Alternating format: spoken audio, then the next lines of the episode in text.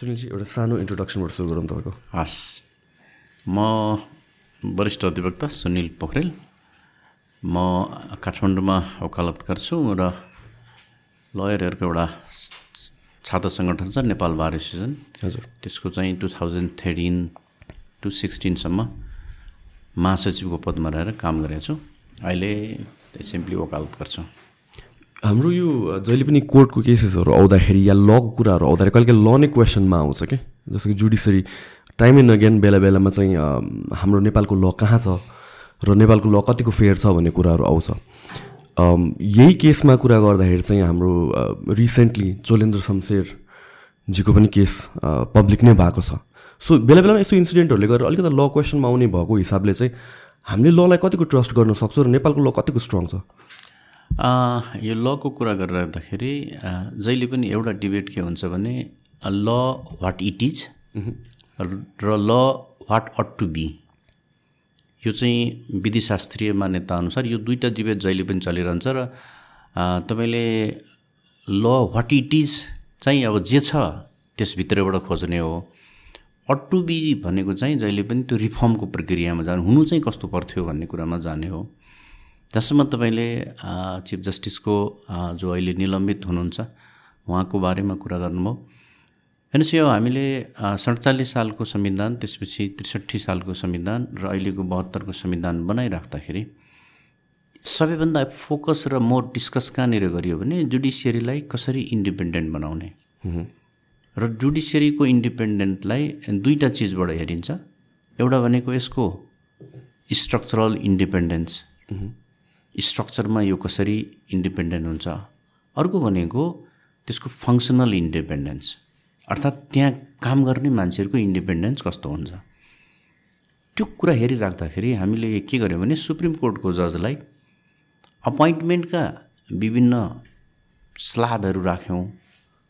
केही हडल्सहरू छन् जस्तै केही योग्यता क्षमता केही अनुभवका कुराहरू त्यसपछि पार्लियामेन्ट्री हियरिङका कुराहरू। तर वन्स एपोइन्टेड उसको रिमुभलको प्रक्रियालाई चाहिँ हामीले एक्सेप्सनल बनायौँ।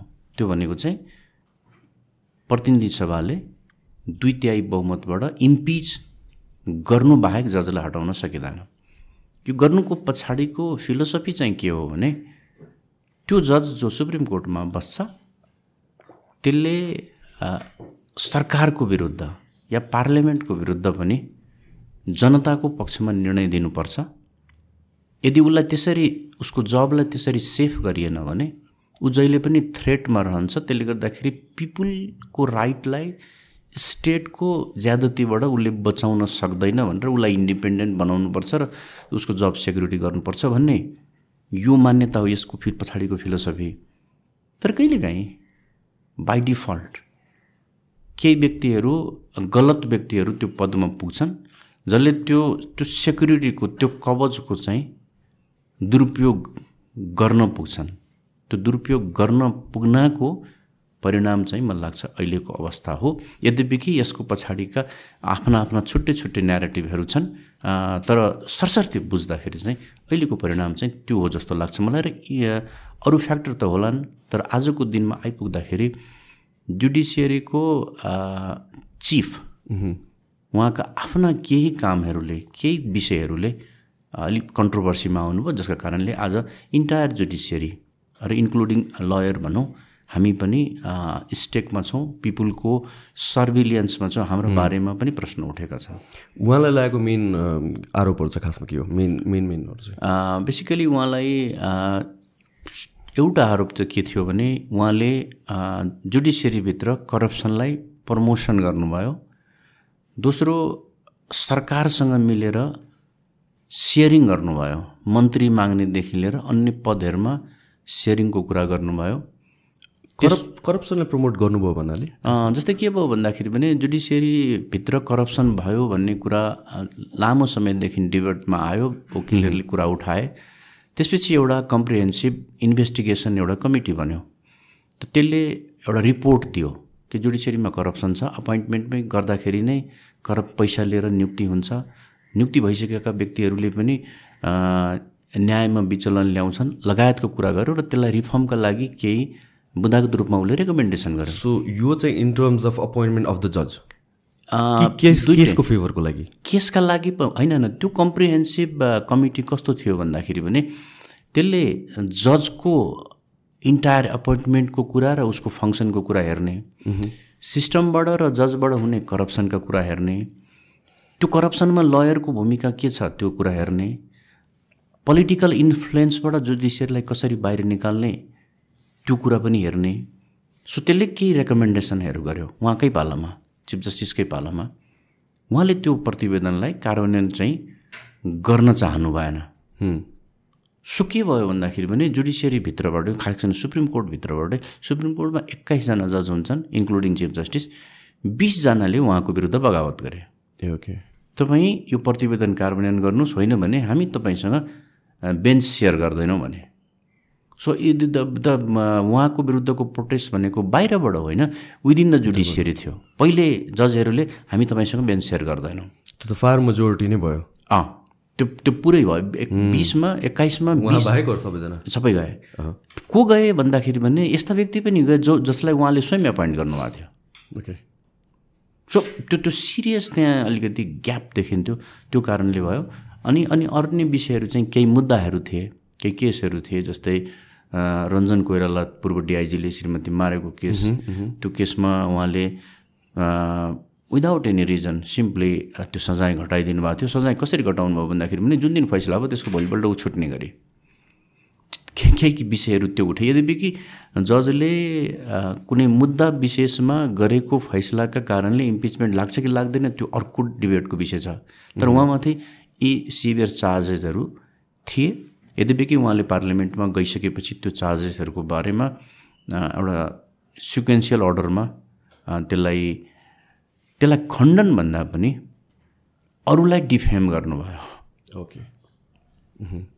त्यो त्यो स्थिति आजको दिनमा छ त्यसले गर्दाखेरि जुडिसियरीको चिफ आज सस्पेन्डेड छ र पछिल्लो समय त हाउस एरेस्टमा छ भन्ने पनि भनिन्छ। हो। त्यो खालको पनि कुरा आएको छ। त्यसले गर्दाखेरि यो परिस्थितिको जिम्मेवारी चाहिँ अरू फ्याक्टर होला नि तर मोरलेस धेरै चाहिँ उहाँमा जान्छ। किनभने हामी कहाँ के भनिन्छ संसारभरि के भनिन्छ भने to be head is headache भन्छ क्या।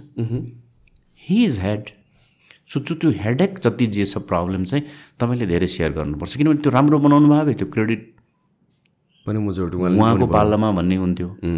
अब त्यहाँ केही अन्य समस्या छन् भने तपाईँले सिफ्ट गरेर म चाहिँ ठिक अरू चाहिँ खराब भनेर जान सक्नुहुन्न।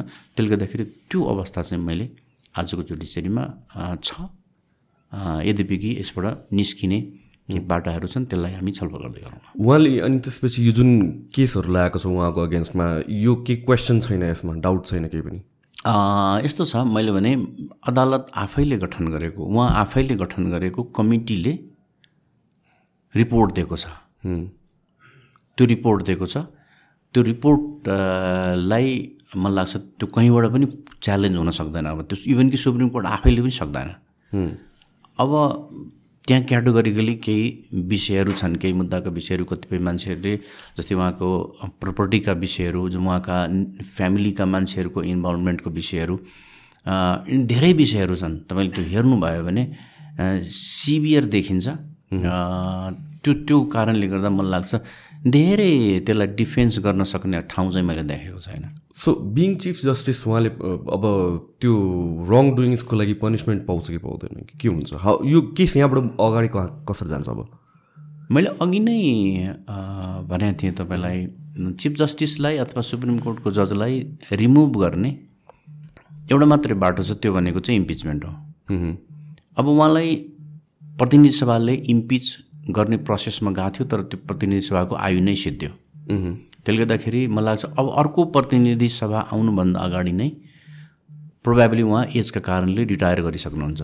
किनभने उहाँको रिटायरमेन्टको एज भनेको मङ्सिरको सत्ताइस गते छ त्योभन्दा अगाडि पार्लियामेन्ट प्रतिनिधि सभा आइपुग्दैन होला। सो रिटायर भइसकेपछि उहाँको इम्पिचमेन्टको प्रोसेस अगाडि बढ्दैन होला। अब इम्पिचमेन्टको प्रोसेस अगाडि नबढ्नुको मतलब के हुन्छ भने उहाँ ड्यु कोर्समा रिटायर गर्नुभयो। अब रिटायर गरिसकेको चिफ जस्टिसलाई विदाउट अब त्यो ब्लेमका मात्रैका कारणले मुद्दा चाहिँ चल्दैन। किनभने पार्लियामेन्टले उहाँलाई इम्पिच गरेको भए चाहिँ अनि करप्सनमा मुद्दा पनि चल्थ्यो। अब इम्पिच गरेन नर्मल कोर्समा उहाँ रिटायर गर्नुभयो भने केस चल्दैन।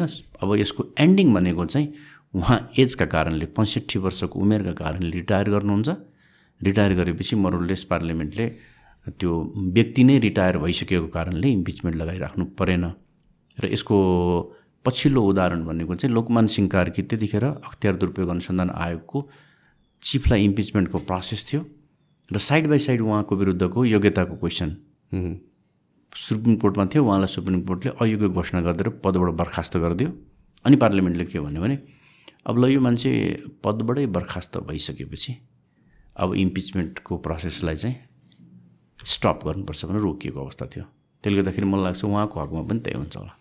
न प्रब्लम के भयो भनेपछि पोजिसनबाट हटायो त्यो अनि एउटा पनिसमेन्ट पनिसमेन्ट अगाडि नै मुभ नहुने भनेर भनेको त्यो त एकदमै इजी वे आउट जस्तो भयो होइन? अनि एउटा जुन यो लुप होल देखिन्छ नि त जुन लुप होललाई युटिलाइज गरेर पनिस पनिसमेन्ट भने नै जबबाट निकालिनु मात्र। भनेपछि त it's a very small consequence भोलि गएर यो फेरि रिपिट नहोस् भनेर यो कुरा चाहिँ रिभाइज हुन् हुन्छ कि हुँदैन हुनु जरुरी छ कि छैन? किनभने आइसी कतिवटा केसहरूमा कतिवटा कुराहरूमा चाहिँ हाम्रो ल रिभाइज भएको छैन या हुनुपर्ने जस्तो लाग्छ कि यसो सोच्दाखेरि। This might be one of the cases जहाँ चाहिँ यो रिभाइज हुनुपर्ने हो कि कि यो प्रोटेक्सन होइन चाहिने नै हो कि फर बिगर बिगर गुड भोलि गएर तपाईँले भने जस्तो सुप्रिम यो के अरे द हेड अफ जुडिसरीलाई प्रोटेक्ट गर्नु पनि रिजनहरू छ विच इज लजिकल त्यो चाहियो पनि नत्र त फेयर जजमेन्ट हुँदै हुँदैन। तर त्यो हुँदै तर त्यो ठाउँ तर त्यो एक्चुअल रिजनको लागि जुन ल बनायो त्यसलाई त मिसयुज पनि गर्न सकिने रहेछ नि त्यसो हेर्दाखेरि। त्यही त हामीले कानुन बनाइराख्दाखेरि खास गरिकन संविधान बनाइराख्दाखेरि संविधानले ओमिसनका लागि या एक्सेप्सनलका लागि बनाउँदैन। उसले रुलका लागि बनाउँछ। जस्तै भनौँ न तपाईँ अमेरिका जस्तो त्यस्तो राम्रो सिस्टम भएको देश त्यो देशको प्रधानमन्त्री जो लास भेगासमा माइक टाइसनको एट्टी तपाईँले एट्टीतिरको एट्टी एटतिरको लास्ट मा माइक टाइसन र लेरी होम्सको गेम्स हेर्नुभयो भने एउटा पातलो मान्छे छेउमा बसिरहेको हुन्छ। त्यो माइक टाइसनको फाइनेन्सियल एडभाइजर हुन्छ। एट्टी एटमा लास भेगास जस्तो जुवाडेको अड्डामा काम गर्ने मान्छे सोह्र पन्ध्र सोह्रतिर आएर अमेरिकाको राष्ट्रपति भइदिन्छ। द्याट इज डोनाल्ड ट्रम्प र त्यो उहाँको चार वर्ष कार्यकालमा अमेरिकनहरूले संसारभरि टाउको निहुराएर हिँड्यो त्यत्रो स्ट्रङ सिस्टम भएको ठाउँमा पनि बाई डिफल्ट मान्छे त्यहाँ पुग्न सक्ने रहेछ।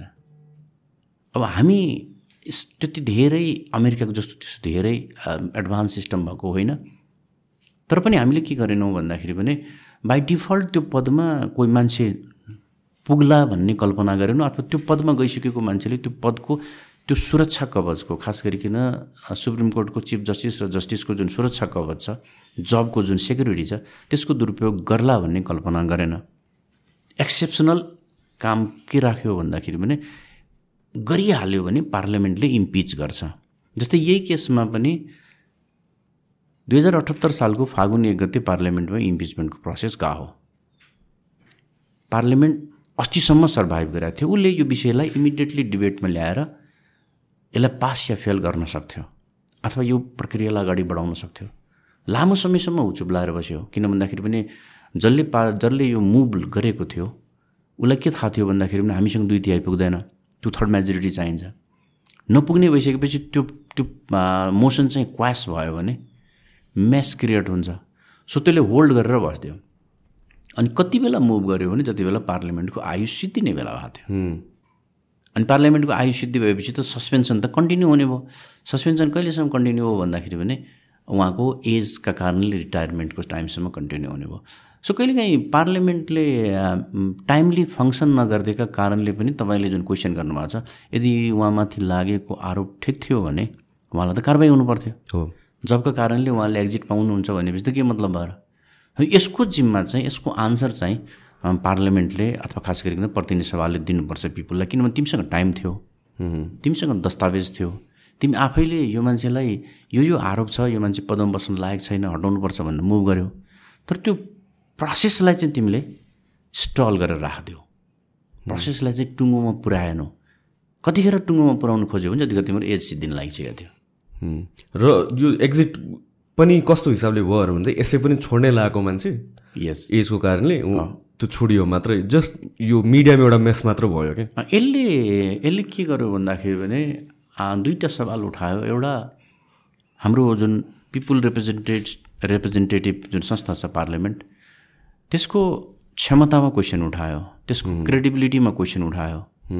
यिनले विषयवस्तु उठान गर्छन् अथवा भनौँ न कुनै विषयलाई चलाइदिन्छन् टुङ्गोमा पुर्याउँदैनन्।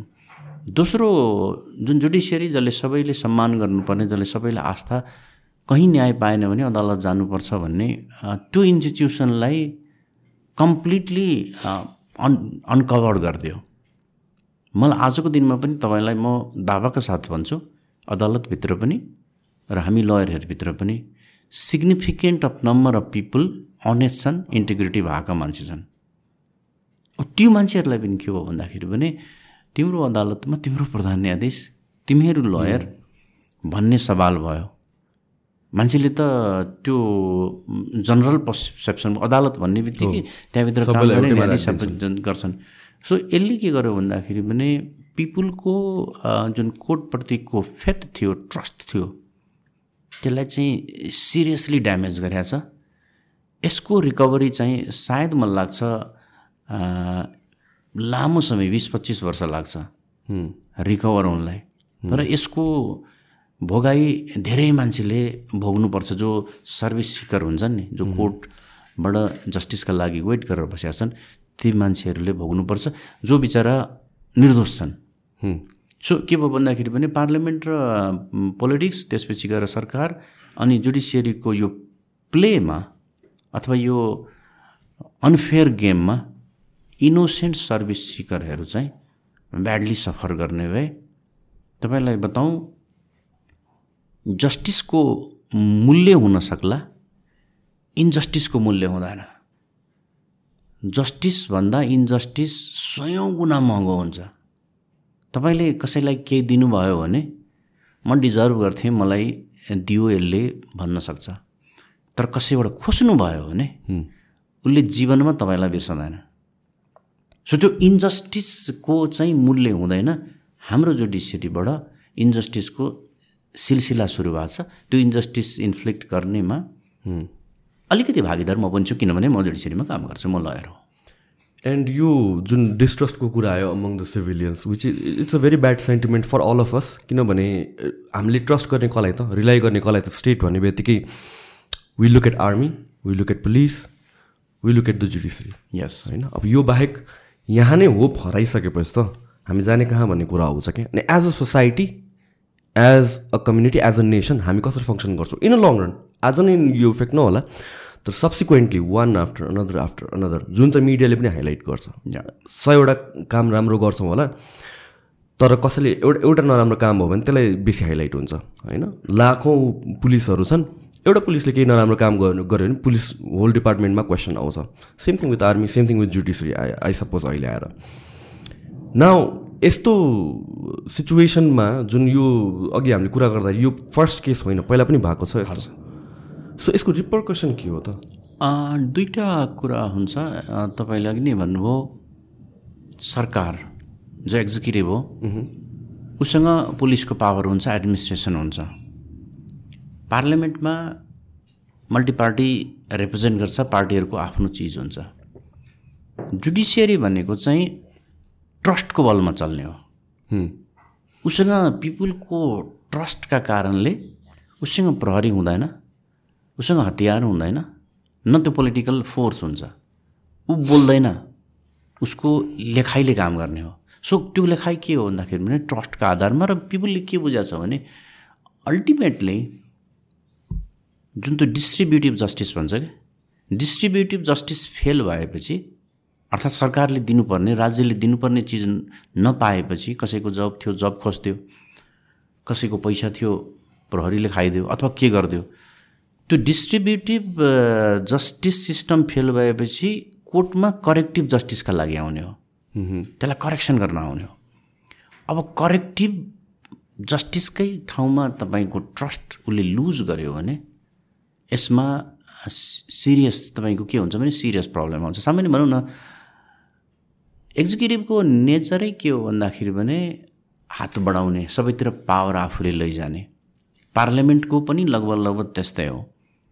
त्यसको त्यो लम्केको हातलाई आफ्नो लिमिटेसनमा राख भनेर अर्डर गर्ने कोर्टले हो। त्यो त्यो केका लागि भन्दाखेरि पनि पिपलका लागि हो। राज्यको तर्फबाट बनाइएको संरचना जुडिसियरी हो। तर ऊ जहिले पनि पिपलका लागि स्टेटको एगेन्स्टमा काम गर्ने चिज हो। त्यसलाई हामीले fundamental right of the people भन्छ नि कन्स्टिट्युसनमा। त्यो फन्डामेन्टल राइट अफ पिपल भनेको चाहिँ स्टेट भर्सेस दिएको पिपुललाई अधिकार हो। त्यसको इम्प्लिमेन्टेसन कसले गर्ने हो? भन्दाखेरि पनि अदालतले गर्ने हो। अब त्यो स्टेकमा आयो। तपाईँले अघि नै भनेको त्यो स्टेकमा आइसकेपछि त्यसको रिपर्कसन भनेको लामो समय मैले अघि नै बताएँ यो ट्रस्ट ट्रस्ट गेन गर्नका लागि गाह्रो पर्छ। जस्तै पहिलो अगाडिको छोडिदिउँ। पहिलो इम्पिचमेन्ट एकजना पूर्व प्रधान न्यायाधीश विश्वनाथ प्रसाद उपाध्याय हुनुहुन्थ्यो विश्वनाथ उपाध्याय हुनुहुन्थ्यो उहाँको विरुद्ध आयो। पार्लियामेन्टमै गयो। त्यतिखेरको विपक्षी दलले लग्यो। त्यसपछि अर्को एकजना सुरेन्द्र प्रसाद सिंह हुनुहुन्थ्यो प्रधान न्यायाधीश उहाँको विरुद्ध आयो। त्यसपछि एक दुईजना अरू न्यायाधीशको विरुद्धमा आएको थियो। पछिल्लो समयमा सिग्निफिकेन्टली आएको भनेको सुशीला कार्कीको विरुद्धमा थियो। प्रधान न्यायाधीश त्यतिखेरको उहाँलाई सिम्पल आरोप चाहिँ धेरै थियो पेपरमा। तर थियो विषय के भन्दाखेरि भने आइजिपीको नियुक्तिको मुद्दाको विषय थियो। सरकारले आइजिपी एउटालाई नियुक्त गर्यो। अर्को जुन डिआइजी हुनुहुन्थ्यो उहाँ अदालतमा मुद्दामा आउनुभयो कोर्टले सरकारले गरेको आइजिपीको नियुक्ति बदर गरिदियो। त्यसको रिफ्लेक्सन थियो उहाँको विरुद्धमा आयो। अहिले पछिल्लो समयमा चाहिँ अन्य धेरै कारणहरू करप्सनको आदि इत्यादिको चार्जेसले आयो। जसरी भए पनि आयो। त यो लडाइँ के हो भन्दाखेरि भने एउटा तपाईँले इन्स्टिट्युसनको ट्रस्टमा ट्रस्ट स्टेकमा पऱ्यो अर्को विषय चाहिँ सिरियस के हो भन्दाखेरि भने पोलिटिक्सले जुडिसियरीलाई थ्रेटमा राख्यो। तैँले हामीले भनेको अनुसार गरिनस् अथवा अदालतमा हामीले भनेअनुसार भएन भने हामी तँलाई या त हटाइदिन्छौँ या त अहिलेको प्रधान न्यायाधीश जस्तै लामो समयसम्म निलम्बनमा राखिदिन्छौँ अनन्तकालसम्म यो जानु हुँदैन है फेरि।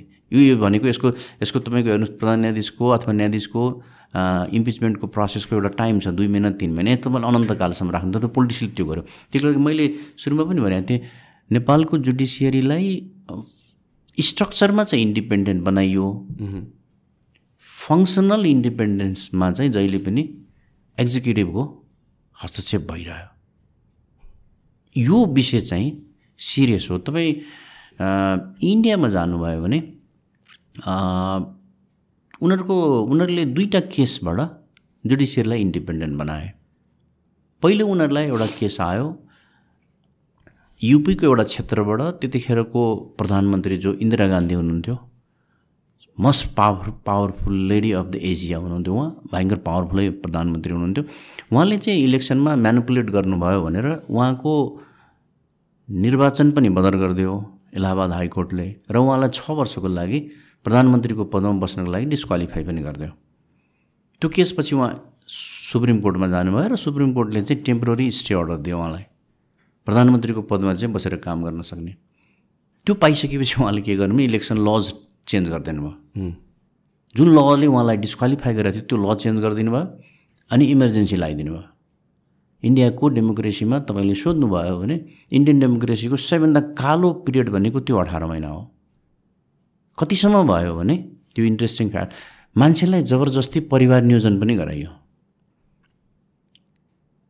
त्यो त्यो सिरियस त्यो जुडिसियरी पछि उनीहरूले के गर्यो भन्दाखेरि पनि अर्को एउटा केस आयो केशवानन्द भारतीको केस। त्यो केस भनेको म बताउँ तपाईँलाई के थियो भने व्यक्तिले जग्गा कति राख्न पाउने भन्ने केस थियो। त्यहाँको एउटा राज्यले एउटा मठ मठ हुन्छ सर त्यो धार्मिक मठ थियो। त्योसँग सयौँ एकड जग्गा थियो। उसले लिमिट तोकिदियो। तैँले यति मात्रै पाउँछस् सक्दैन भनेर। त्यहाँको मठको एकजना मठाधीश केशवानन्द भारती भन्ने मान्छे सुप्रिम कोर्टमा मुभ गरे। यो त मेरो राइट टु प्रोपर्टी हो। जुन फन्डामेन्टल राइटको रूपमा सुप्रिम कोर्ट के अरे कन्स्टिट्युसनले ग्यारेन्टी गरेको छ कसरी सरकारले कानुन बनाएर खोज्न सक्छ? त्यो भनिसकेपछि त्यसमा चाहिँ सुप्रिम कोर्टको लार्जर बेन्चले त्यो त्यो धेरै प्रिन्सिपलहरू लेडाउन गर्यो। त्यो प्रिन्सिपल लेडाउन गरेका कारणले तपाईँले इन्डियामा सोध्नुभयो मान्छेहरूलाई भने इन्डियाको डेमोक्रेसी भनेको त्यो मुद्दाबाट बाँचिरहेछ। र तपाईँलाई म त्यसलाई अझै बताउँ। इन्डिया र पाकिस्तान एकै दिन बेलायती आ, दासत्वबाट मुक्त भए नाइन्टिन फोर्टी सेभेनमा। एकै दिन दुईवटा देश बन्यो। आजको दिनसम्ममा पनि इन्डियामा कहिले पनि आर्मी शासन लागू भएन। प्रोभाइडेड त्यो मैले भनेको अठार महिनाको इमर्जेन्सी त्यो पनि इन्दिरा गान्धी नै प्रधानमन्त्री हुन्थ्यो आर्मी थिएन। तर पाकिस्तानमा हेर्नुभयो भने कहिले पनि सिभिलियन गभर्मेन्ट फुल फ्लेज चलेन। पछिल्लो इमरान खानको सरकार पनि चलेन। चेन्ज गरिदियो। इमरान खान आफै मलाई चाहिँ अमुक देशले हटाइदियो आर्मीको सहयोगमा भनिरहनु भएको छ। यो हुनुको पछाडिको एउटै कारण हो। त्यो भनेको चाहिँ पाकिस्तानले इन्स्टिट्युसन बनाएन। इन्स्टिट्युसनहरू जुन डेमोक्रेटिक इन्स्टिट्युसन त्यसमध्ये अदालत पनि पर्छ। इलेक्सन कमिसन भयो ल अन्य कमिसनहरू भयो। इन्डियाले के गर्यो भन्दाखेरि भने इन्स्टिट्युसनहरूलाई इम्पावर गर्यो। अनि त्यो इन्स्टिट्युसनहरूले के गर्यो भनेदेखि डेमोक्रेसीलाई इमर्ज हुन सहयोग गरे। पाकिस्तानमा डेमोक्रेसी इम्पोज गरियो। यद्यपि कि इन्डियन डेमोक्रेसीलाई पनि इम्पोज गर्यो नै भन्छ कतिपय गान्धीवादी चिन्तनहरूले। इम्पोज गरेको डेमोक्रेसी हो भन्छ।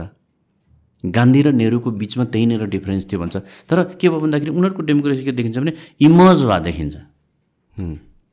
पाकिस्तानमा इम्पोज गर्यो त्यसले गर्दाखेरि civilian government टिकेन।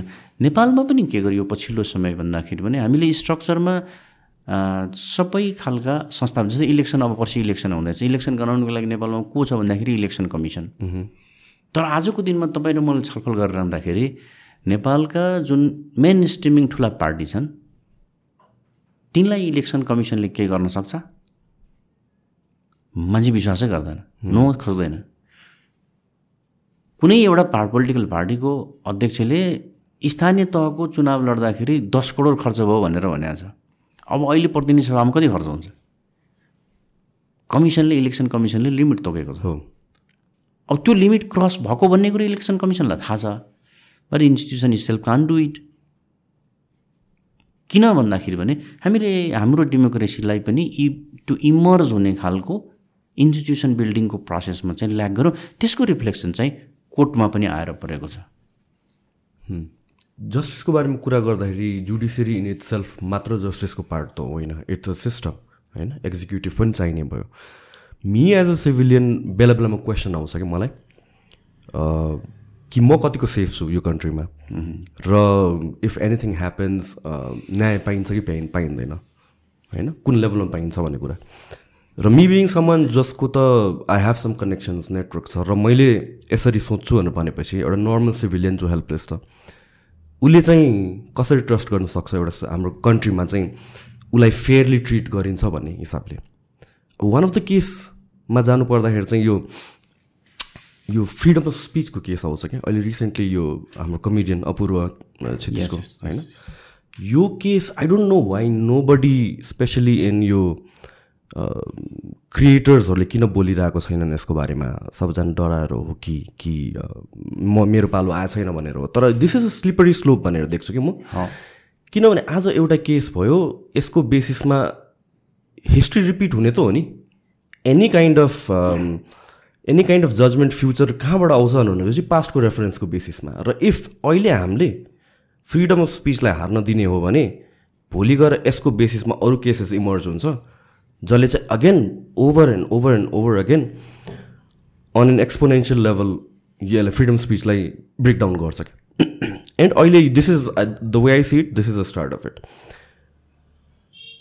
legal point of भ्यूबाट हेर्ने हो भने I don't know me being a normal person I don't see केही कुरा इलिगल गरे हो त्यसमा मान्छेहरूको सेन्टिमेन्ट्स हर्ट भयो up we can all have opinion about it we can have a discussion about it तर आई डोन्ट सी केही illegal काम गरेको बट देन एक महिना एक महिना प्लस भइसक्यो स्टिल यो अब हिजो फेरि उसलाई लिएर गछ जेल जेलमा how does this keep on happening र मेरो मेरो फ्रिडम स्पिच कहाँ छ त भन्ने कुरा आयो कि? म एज अ अब भनौँ न someone who is running a podcast मैले अब सबै राम्रो राम्रो मात्र भन्नुपर्ने हो कि? सबैलाई प्लिज गरेर राख्नुपर्ने हो कि? कि मैले आफ्नो ओपिनियन बोल्न पाउनुपर्ने हो कि? अनि वाइ इज दिस लाइक हुन्छ नि अ सिभिलियन जो चाहिँ maybe way politically well connected छैन या नेटवर्क राम्रो छैन ऊ चाहिँ कसरी यो ओभर एन्ड ओभर अगेन यो एउटा जुन थिङ उसले इलिगली गरे गरे कुरा पनि होइन। त्यसको लागि किन जेल गइरहेछ क्या म तपाईँलाई दुई तिनवटा घटना भन्छु र त्यसपछि त्यो विषयमा प्रवेश गर्छु। अपूर्वको केस मैले सिरियसली फलो गरेका थिएँ। अहिले पनि गरिरहेछु। अमेरिकामा एकचोटि के भयो भने एकजना कालो मान्छेले कालो जातको मान्छेले अमेरिकाको झन्डा जलायो। उसलाई देशद्रोहको मुद्दा लगायो।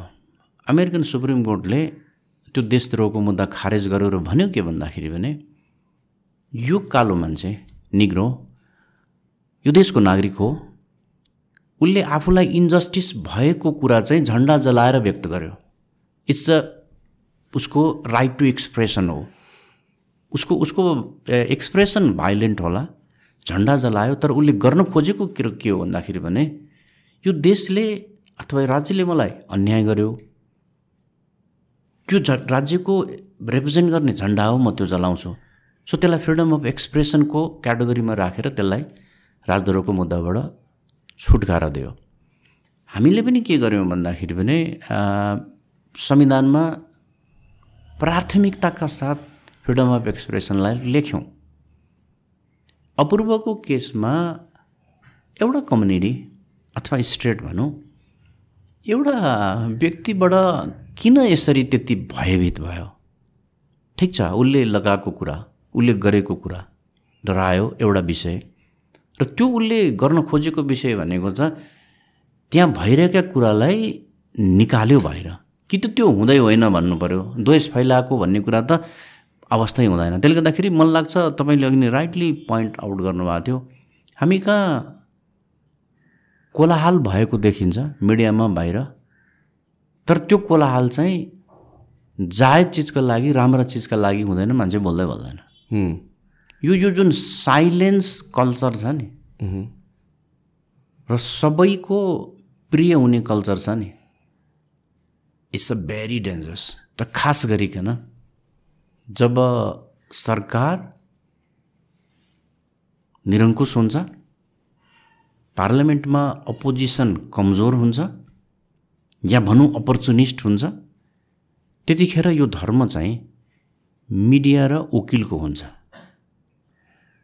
मिडिया मिडिया भनेको जहिले पनि के हो भन्दाखेरि भने पर्मानेन्ट अपोजिसन हो। मिडिया र ल लयर भनेको खास गरिकन बार भनेको पर्मानेन्ट अपोजिसन हो। यसले प्रशंसा गर्ने होइन यसले त्यो गल्ती कमजोरी औल्याउने हो र त्यहाँबाट करेक्सनका लागि रिफर्मका लागि रुम खोल्ने हो। मलाई लाग्छ अपूर्वको त्यो इस्युलाई चाहिँ हामीले त्यसरी लिनु पर्थ्यो तर के गरियो भन्दाखेरि पनि एउटा व्यक्तिलाई मैले अघि नै बताएँ अमेरिकामा झन्डा जलाउँदाखेरि त एक्सप्रेसनको फ्रिडम अफ एक्सप्रेसनको कुरा गरियो भने यहाँ ल्याएर त्यो कुराहरू गरिएको छ। त्यो गलत हो। त्यसलाई गर्न खास सकियो भने त्यो त्यो कन्टिन्यू गरियो भने त्यसले के गर्छ भन्दाखेरि पनि नागरिकको हकलाई खुम्च्याउँछ। हेर्नु संसारमा जब नागरिकको हक खुम्चिन्छ सरकारको हक फैलिन्छ। अथवा त्यसलाई अर्को अर्थमा चाहिँ जब नागरिकको हक तपाईँले मिनिमाइज गर्नुहुन्छ सरकारको हक म्याक्सिमाइज हुन्छ। जहाँ सरकारको हक म्याक्सिमाइज हुन्छ त्यहाँ चाहिँ अटोक्रासीले जन्म लिन्छ। देख्दाखेरि चाहिँ हामी लोकतन्त्रमा छौँ हामीसँग सबै चिज छ। तर व्यवहार त गाह्रो हुन्छ यहाँले अघि नै भन्नुभयो आज अपूर्व पऱ्यो भोलि म पर्छु भोलि तपाईँ पर्नुहुन्छ। खालि पालो कुर्ने हो कि भएको ठाउँबाट रिफर्मलाई सुरु गर्नु र यसलाई जेनरल टर्ममा पनि हामीले हेर्नु पऱ्यो कि इट्स नट अबाउट उसले कसको बारेमा के भन्यो मात्र होइन कि। आज एउटा कम्युनिटीको सर्टन पोइन्ट्सलाई उसले पोइन्ट आउट गरेर एउटा जोक बनायो जो मान्छेलाई मन परेन र मन नपरेको कारणले जेलमा गयो अल्दो इट्स नट इलिगल भोलि यस्तै गरेर जेनरल टर्ममा हेर्ने हो भने समथिङ सम लिगल एक्टिभिटी जुन वान कम्युनिटी या वान सोसाइटीलाई मन परेन भन्दैमा त्यसलाई इलिगल नै पारिदिने त्यो मान्छेलाई कारवाही नै गरिदिने हो कि? मानौँ दस बजेभन्दा राति केटीहरू बाहिर जानु हुँदैन भन्ने मान्छेहरू पनि छन् होला। अल्दो द्याट इज लिगल भोलि त्यो एक्टिभिटीलाई इलिगल पारिदिने हो। त्यसको के त्यसको यो यो थिङ रिपिट भएर र अलिकति एक्सटेन्ड भएर इट्स अ स्लिपरी स्लोप कि? भोलि गएर यो कहाँ एक्सटेन्ड भएर जान्छ? एउटा लिगल एक्टिभिटीलाई लिगल हुँदा हुँदा पनि भोलि गएर कोर्टमा केस चल्ने या भन्छ जेलमा थुनिने केस नै नचलेर पनि जेलमा थुनेर राखिने। सो म चाहिँ यो चाहिँ इट र तपाईँले अघि भने एउटा कुरा चाहिँ ठिक लाग्यो जुन चाहिँ हाम्रो सोसाइटी कस्तो भन्नुहुन्छ प पपुलिस्ट नेरेटिभलाई मात्र फेभर गर्ने कि? त्यसरी त भएन नि त। एउटा फ्री फङ्सनिङ सोसाइटीमा त फ्री थिङ्कर्स हुनु पऱ्यो क्वेसन गर्न पाउनु पऱ्यो अपोजिङ फ्याक्ट्स हुनु पऱ्यो तपाईँको मेरो कतिवटा कुरामा ओपिनियन नमिले पनि हामी सिभिल वेमा अक्रस द टेबल बसेर पोइन्ट्स राख्न सक्नु पऱ्यो कि? अनि म तपाईँको पोइन्ट्सबाट अफेन्डेड हुनु भएन तपाईँ मेरो पोइन्टबाट अफेन्डेड हुनु भएन किनभने that's how we as a society have evolve सेन्चुरिजदेखि त्यो डिस्कसन नभएको भए र सबैजना एकरो भएको भए त एभोल्युसन भन्ने चिज हुन्थेन नि। र this is in a fundamental way त्यसको अपोजिट काम भइरहेको छ कि? र यो केसमा कसरी उसलाई उसलाई अब how do we ensure that his right is with him दुइटा कुरो मैले अघि नै भने हामीले कन्स्टिट्युसनलाई नै बेस गर्नुपर्छ र मलाई लाग्छ उसले दिएको जे कुरा भनेको छ त्यो कुनै कम्युनिटीप्रति अथवा कसैप्रति डेरोगेटिभ नभएर उसले त्यो जोकको हिसाबमा गरेको छ र त्यो चिजहरू भ्यालिड छ भन्नेमै जान्छ। जहाँसम्म अघि तपाईँले पपुलिस्टमै जाने कुरा खोजेको छ मैले यस्तो कुरामा के भन्ने गरेको छु भने त्यो नदीको बहावसँग त मुर्दा पनि बग्छ। एन्टी करेन्ट तैरिन त जिउँदो मान्छे सक्छ। जिउँदो मान्छे मात्रै सक्छ नि। नभए नदीसँगै बग्नु भने त मुर्दा गइहाल्छ नि। मुर्दा त्यतिकै फाँस जान्छ नि। त्यसले गर्दा यो जुन सेक्टर छ खास गरिकन तपाईँको मिडियाको सेक्टर अथवा हाम्रो ल सेक्टर भनेको यो एन्टी करेन्टैवाला हो। देख्दाखेरि तत्काल त तपाईँले केही हडल्सहरू फेस गर्नुपर्ने हुन्छ। केही कुराहरू तर कहीँ न कहीँ कसै न कसैले सुरु गर्नुपर्छ। त्यसले गर्दा के भनिन्छ भने leader is one who knows the way and shows the way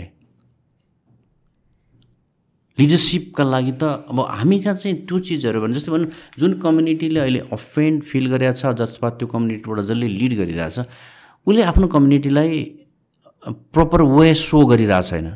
community नै डिभाइड भएछ खासमा भन्यो भने। म पनि नेवार हो। मेरो मेरो ड्याड मेरो parents they are traditional form of Newar. Pure Newar yes हुन्छ नि त्यो एउटा फिल भएको मान्छेहरू हो। अनि त्यसपछि उहाँलाई पनि मैले त्यो जोकहरू देखाएँ त्यतिखेर पनि। हिडिन लाइक इट तर उहाँको भनाइ के थियो भने जेलले चाहिँ लग्नुपर्ने होइन। र जो ज जो मान्छेहरूले जेल लग्यो उहाँहरू पनि अहिले आएर चाहिँ अलिक डिभाइड भएछ कि this is like I think अलिक बेसी स्ट्रेच भयो है। यहाँसम्म चाहिँ पुग्नु नपर्ने हो है भन्ने त्यही कम्युनिटीबाट कम्युनिटी मात्र नभनौँ त्यही ग्रुपबाट नै छुटेर आएकोहरू पनि छन् क्या अब यस्तो बेलामा चाहिँ क्वेसन के आउँछ भनेपछि द्याट इज लिगल क्वेसन छैन। इलिगल कुरा छैन। भन्नु भनेपछि हामीले ढुक्क भएर जुडिसरीको भरमा बस्न सकिन्छ कि सक्दैनौँ। कुरा त्यहाँ आयो क्या। मैले त्यही भने त्यसकै लागि यस्तै बेलाका लागि जुडिसियरी इन्डिपेन्डेन्ट र स्ट्रङ चाहिने हो। यस्तै बेलाको लागि। जस्तै भनौँ न म म अपूर्व केसमा अझै फोकस गरेर भन्छु मैले अलि अगाडि हाम्रो हरिवंश दाई र मदन किसन दाईको एउटा कार्यक्रम हेरेको थिएँ। नेवार र बाहुनको कुरा गर्नुभएको थियो उहाँहरूले। त्यो यसो हेर्दाखेरि दुइटै कम्युनिटीलाई उहाँहरूले घोचपेचै गर्नुभएको छ। हो। तर त्यो फिगरका कारणले कसैले क्वेसनै उठाएन। सायद मलाई लाग्छ अपूर्व अभागी पनि भयो। अर्ली स्टेजमा अपूर्व अब दस वर्षपछि यो गरे सायद मलाई लाग्छ कसैले क्वेसनै गर्दैन थियो किन अपूर्वले एउटा हाइट गेन गरिसक्थ्यो।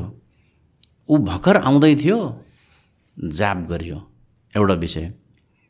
जुडिसियरी यसकै लागि चाहिने हो। जुडिसियरी जहिले पनि कस्तो हुन्छ भने जस्तै तपाईँलाई अलिकति अगाडि बताउँ म। एकजना माओवादीले आफ्नो छोरा मारिदियो भनेर त्यो नन्दप्रसाद अधिकारी भन्ने व्यक्ति वीर हस्पिटलमा आमरण अनसन बस्नुभयो। यो अस्तिसम्म पनि आइरहेको छ के अरे आइरहेछ उहाँको शरीर उहाँको लास अहिले पनि टिचिङ हस्पिटलमा राखिएको जलाएको छैन। किनभने उहाँको एउटा छोरो मऱ्यो अर्को छोरो बेपत्ता छ। उहाँको श्रीमती अझै पनि हस्पिटलमा हुनुहुन्छ। हो। सुप्रिम कोर्टले के गर्यो भन्दाखेरि पनि उहाँ जस्टिसको लागि मेरो छोरालाई मार्ने मान्छेलाई मुद्दा चलाइदियो भनेर बस्नुभएको थियो। सुप्रिम कोर्टले के गर्नु होइन उहाँको छोरो मर्यो त मरियो त्यसको जस्टिसको एउटा कोर्स होला तर यो मान्छे मऱ्यो भने चाहिँ त अर्को इन्जस्टिस छ त्यसले गर्दा फोर्स फिडिङ गर्नु भन्यो। उहाँलाई हङ्गर स्ट्राइकमा होइन जबरजस्ती खाना खुवाउनु भन्यो। त्यो भयङ्कर अनपपुलर कुरो थियो। तर के भन्दाखेरि पनि सुप्रिम कोर्टले किन त्यो गर्यो भन्दाखेरि एउटा मान्छेको जीवन बचाउनु चाहिँ हाम्रो कर्तव्य हो। जीवन बाँचेन ऊ त्यो जस्टिसको क्वेस्टका लागि जाला। यो यो यस्तो खालको के हो भन्दाखेरि भने त्यो त्यो इन्डिपेन्डेन्टनेस अथवा त्यो करेज चाहिँ अदालतसँग हुन्छ भन्ने कुरा हो। पछिल्लो समय यो चिजहरू चाहिँ डिटोरिएट गरेका छ। सिरियसली त्यसकै लागि त्यो चाहिने हो। यसो हेर्दाखेरि तपाईँले हेर्नुहोस् न यस्तो हेर्दाखेरि अघि तपाईँले जस्टिसको लार्जर पर्सपेक्टिभ जस्टिस भनेको अदालतमा मुद्दा गर्ने र मुद्दाबाट फैसला पाउने हो। नि जस्टिस भनेको त एउटा वृद्ध मान्छे वृद्ध भत्ताको कार्ड बनाउन नसकेका कारणले सरकारले दिने पाँच सय रुपियाँ लिन महिनाको कति पाँच सय कि हजारको छ क्यारे त्यो लिन नपायो भने त्यो इन्जस्टिस हो नि। त्यो टाइमली बनाइदिने कुरा पनि जस्तो त्यहाँ धेरै कुराहरू छन्। धेरै कुरा छ अपाङ्गका कुरा होलान् अपाङ्गता भएको व्यक्तिको कुरा होला अन्य कुराहरू हो। जस्टिसको हामीले कुरा गरिरहँदाखेरि यतापट्टिको अदालतपट्टिको करेक्टिभ जस्टिसभन्दा ठुलो सेक्टर भनेको चाहिँ तपाईँको सोसियल जस्टिसका कुराहरू छन्। तर त्यहाँ प्रब्लम आयो भने फाइनली कोर्टले चाहिँ करेक्टिभ जस्टिसका माध्यमबाट करेक्सन गर्छ र त्यहाँनिर जान्छ। त्यसले गर्दाखेरि त्यो होप हुन्छ नि। अघि तपाईँले एकदमै राम्रो शब्द प्रयोग गर्नुभयो होप अदालत भनेको चाहिँ काइन्ड अफ होप हो। हामीले हाम्रो इतिहास हेऱ्यौँ भने राम शाहले गोर्खामा चौतारामा बसेर न्याय दिनुहुन्थ्यो। त्यतिखेरको राजा। चौतारामा बस्ने? हरेक हप्ता? र त्यो उनका राज्यमा भएका मान्छेहरू मलाई इन्जस्टिस भयो भनेर आउँथे र बोथ साइड कुरो सुन्थे र उसले त्यहीँ फैसला गर्थे। हाम्रो हाम्रो न्याय व्यवस्था त्यस्तो खालको हो। त्यसलाई हामीले सिस्टमेटिक गर्दै गर्दै कानुनमा संविधानमा हाल्दै हाल्दै अनि मैले अघि बताएको जजहरूको त्यो सेक्युरिटीको कुराहरू गरिरहेको अवस्थामा आजको दिनमा तपाईँले मलाई के प्रश्न गर्नुभयो भने मान्छे न्याय पाउँछु भन्ने कुराको कति होपफुल हुन्छ भने यो क्वेसन नै मलाई लाग्छ यसले हाम्रो जस्टिस सिस्टमलाई अथवा जस्टिस डेलिभरी सिस्टमलाई रिफ्लेक्ट गर्छ। तपाईँले त्यो क्वेसन मसँग गर्नुभयो। तर यो रियालिटी हो। तपाईँले रियालिटी स्वीकार गर्नुभयो भने त्यहाँबाट स्टार्ट गर्न सकिन्छ। मैले अदालत ठिकठाक छ सबै चिज ठिक छ भनेर कभरअप गरेँ भने त्यो रिफर्मको प्रोसेसै सुरु हुँदैन। त्यसलाई मैले सुरुमै बताएँ कि समस्या छ? आजको दिनसम्ममा पनि म त्यहीँ काम गर्ने र मैले क्लोजली वाच के गरिरहेको छु भने अझै पनि आउट अफ कन्ट्रोल गइसकेको छैन। तपाईँले झन् अझै जुडिसियरीलाई एक्जिक्युटिभ र लेजिस्लेटिभसँग कम्पेयर गर्नुभयो भने आजको दिनमा पनि जुडिसियरी बेटर पोजिसनमा छ। अदालत अदालत अझै पनि सरकार जस्तो अथवा पार्लियामेन्ट जस्तो भद्रगोल छैन। जस्तै भनौँ न हामीले हाम्रो पार्लियामेन्ट्री सिस्टमको कुरा गरिरहँदाखेरि पुरुषहरूले सुत्केरी भत्ता लिएको विषय छ। अहिले? अगाडि अगाडिको पार्लियामेन्टले। संसदले प्रतिनिधि सभाले पच चौवन्न पचपन्न छप्पन्न सालतिर। सुत्केरी भत्ता पुरुष सांसदले पनि लिएको छ। भनेपछि पैसा भएपछि कहीँ नछोड्ने। त्यस्तो कुराहरू चाहिँ कमसेकम जुडिसियरीमा छैन। पछिल्लो समय तपाईँले सरकारको अपोइन्टमेन्टहरूको कुरा हेर्नुभयो भने सरकारले गर्ने अपोइन्टमेन्टको कुरा अथवा कुनै चिजहरू ठेक्का एवार्ड गर्ने कुरा हुन्छ भने पैसा नलिकन गरेको कुनै इभेन्टै छैन। तर अदालतमा अझै पनि केही विषयहरू छन् जुन चाहिँ क्षमताको आधारमा क्वालिटीको आधारमा अथवा केही विषयहरू चाहिँ अझै पनि बाँकी छ। त्यसले गर्दा मैले के भन्यो भने समस्या छ। त्यो तपाईँको त्यो प्रश्न जुन होप छ त्यो होपलाई अझै पनि जगाइराख्न सक्ने स्थिति छ। तर पछिल्लो समय चाहिँ सिरियस सेटब्याक भएको छ। त्यो सिरियस सेटब्याकबाट निकाल्नको लागि चाहिँ दुईवटा चिज चाहिँ सिरियसली गर्नुपर्छ। त्यो भनेको एउटा इन्स्टिट्युसनल रिफर्मको कुरा। अर्को भनेको लिगल रिफर्मका कुराहरू पनि छन्। चाहे त्यो संविधानमै परिवर्तन गरेर होस् एउटा विषय चाहिँ के छ भने हामीले यो बहत्तर सालको संविधान बनाइराख्दा अथवा त्रिसठी सालको अन्तिम संविधान बनाइराख्दा हामीले एउटा अमेरिकन सिस्टम हाम्रो सिस्टममा इन्ट्रोड्युस गरिदियौँ। त्यो भनेको चाहिँ नेपालको चिफ जस्टिस र जस्टिसहरूको पार्लियामेन्ट्री हियरिङको विषय। यसलाई म सिम्पल वेमा भन्छु। त्यो के हो भन्दाखेरि भने हामी कहाँ न्यायाधीश नियुक्ति गर्ने एउटा निकाय छ इन्डिपेन्डेन्ट जुन चिफ जस्टिसको अध्यक्षतामा हुन्छ न्याय परिषद। त्यसले जजको नियुक्तिको लागि सिफारिस गर्छ। अनि त्यसको फाइनल कन्फर्मेसन चाहिँ पार्लियामेन्टको एउटा कमिटीले गर्छ जहाँ सबै दलका सदस्य हुन्छन्। त्यहाँ पन्ध्रजना हुन्छ दसजनाले नो भनिदियो भने त्यो न्यायाधीश प्रधान न्यायाधीश फालिन्छ। यो सिस्टम चाहिँ अमेरिकन सिस्टम हो। अमेरिकामा यो कुरो किन चल्यो भन्दाखेरि भने अमेरिकामा चाहिँ सुप्रिम कोर्टको जज प्रेसिडेन्टले डाइरेक्ट एपोइन्ट गर्छ। इभन कि प्रेसिडेन्सियल इलेक्सनमा उनीहरूको क्याम्पेनिङमा नै म चुनाव जित्यो भने फल्नालाई न्यायाधीश बनाउँछु भन्ने निर्णय हुन्छ। सो एक्जिक्युटिभको त्यो डिसिजन सुप्रिम कोर्टको जज जज चिफ जज नियुक्ति गर्ने त्यो डिसिजनलाई पार्लियामेन्टमा टेस्ट गर्ने कुरा ठिकै हो। एक्जिक्युटिभको हरेक डिसिजन पार्लियामेन्टले कन्फर्म गर्नुपर्छ टेस्ट गर्नुपर्छ हामी कहाँ चाहिँ अपोइन्टमेन्ट त्यसरी हुँदैन प्रधानमन्त्रीले नियुक्त गर्दैन। एउटा छुट्टै इन्डिपेन्डेन्ट कमिटी छ। अब त्यो विक इन्स्टिट्युसनले गरेको नियुक्तिलाई पार्लियामेन्टको सबैभन्दा मोस्ट पोलिटिकल इन्स्टिट्युसनले टेस्ट गर्छ। त्यसले के गर्यो भन्दाखेरि भने संविधान त नेपालको अदालतमा राजनीतिले प्रवेश भयो आज डिस्ट्रिक्ट कोर्टमा अथवा हाइकोर्टमा एपोइन्ट हुने कुनै जज जो सुप्रिम कोर्टमा जाने सपना देख्छ उसले ठुला राजनीतिक दलको सदस्य अथवा उसको इन्ट्रेस्ट जोडिएको मुद्दामा फैसला गर्नको लागि दसचोटि सोध्छ। मैले यसलाई आज हराएँ भने भोलि म सुप्रिम कोर्ट जाने बेलामा यसका मान्छे त्यहाँ हुन्छन् उनले मलाई फेल गरिदिन सक्छ अथवा सुप्रिम कोर्टको मेरो बाटो बन्द गरिदिन सक्छ। सो कहीँ न कहीँ या त उसले त्यो प्रोसेसबाट आफूलाई स्किप गर्छ। त्यो पनि गलत हो। या त उसको फेभरमा घुमाउरो पाराले निर्णय गर्छ। यहाँनिर हो इन्डिपेन्डेन्ट जुडिसियरीलाई चाहिँ सिरियस सेटब्याक गरेको। मैले रिफर्मको कुरा गरेर कन्स्टिट्युसनको भोलि एमेन्डमेन्टको कुरा आयो भने जुडिसियरीलाई तपाईँले इन्डिपेन्डेन्ट बनाउन चाहनुहुन्छ पोलिटिक्सबाट बाहिर राख्न चाहनुहुन्छ भने त्यो विषय चाहिँ संशोधन गर्नुपर्ने हुन्छ। त्यसले गर्दा यहाँ बिग्रेको छ सुधार्नै नसक्ने चाहिँ होइन। त्यसका लागि चाहिँ सिरियसली काम गर्नुपर्छ। सायद मलाई लाग्छ हाम्रो जेनेरेसन त्यो सुधारैमा जान पनि सक्छ। यो जुन रिफर्म हुने कुरा छ जुन रिभाइज हुने कुरा छ यो पिरियड पिरियडिकली हुनुपर्ने हो कि कि हाउ डज इट वर्क त्यो फङ्सनल चिजहरू चाहिँ पिरियडिकली रिफर्म हुन्छ। जस्तै भनौँ न एउटा कुरो। जस्तै तपाईँले अहिले नेपालको जुडिसियरीमा अथवा खास गरी सुप्रिम कोर्टमा हेर्नुभयो भने एउटा सिरियस समस्या भनेको ब्याकलग छ। ओके केसेसहरू पहिलादेखि जम्मा भयो पाइलअप छ। जस्तै टेन इयर्स फिफ्टिन इयर्सदेखि मान्छे मुद्दा पुरेर बसिरहेछ। हो त्यो केस पाइलअप हुने एउटा कारण धेरै कारणमध्ये एउटा कारण के हो भन्दाखेरि भने त्यो सुप्रिम कोर्टको जज बिहान कति बजी सिटमा बस्छ त्यो कति बजी उठ्छ र उसले दिनभरि कति काम गर्छ भन्ने कुरामा पनि छ। जस्तै तपाईँले सोध्यो भने नेपालमा अदालतको टाइम कति बजी हो भन्दाखेरि टेन टु फाइभ। तर तपाईँले सुप्रिम कोर्टको जजको चेयर जानुभयो भने ऊ इलेभेन थर्टीमा मात्रै आउँछ। डेढ घन्टा ऊ त्यहाँ कम ढिलो आयो। वान थर्टीमा ब्रेक हुन्छ। लन्च ब्रेक हुन्छ। त्यो टु थर्टीसम्म। अब टु थर्टीमा आउनुपर्ने मान्छे क्वार्टर टु थ्रीमा आउँछ या थ्रीमा आउँछ? अनि फोर फोर फोर्टिनतिर के भन्छ भने पाँच बज्न थालिसक्यो अब सिद्धो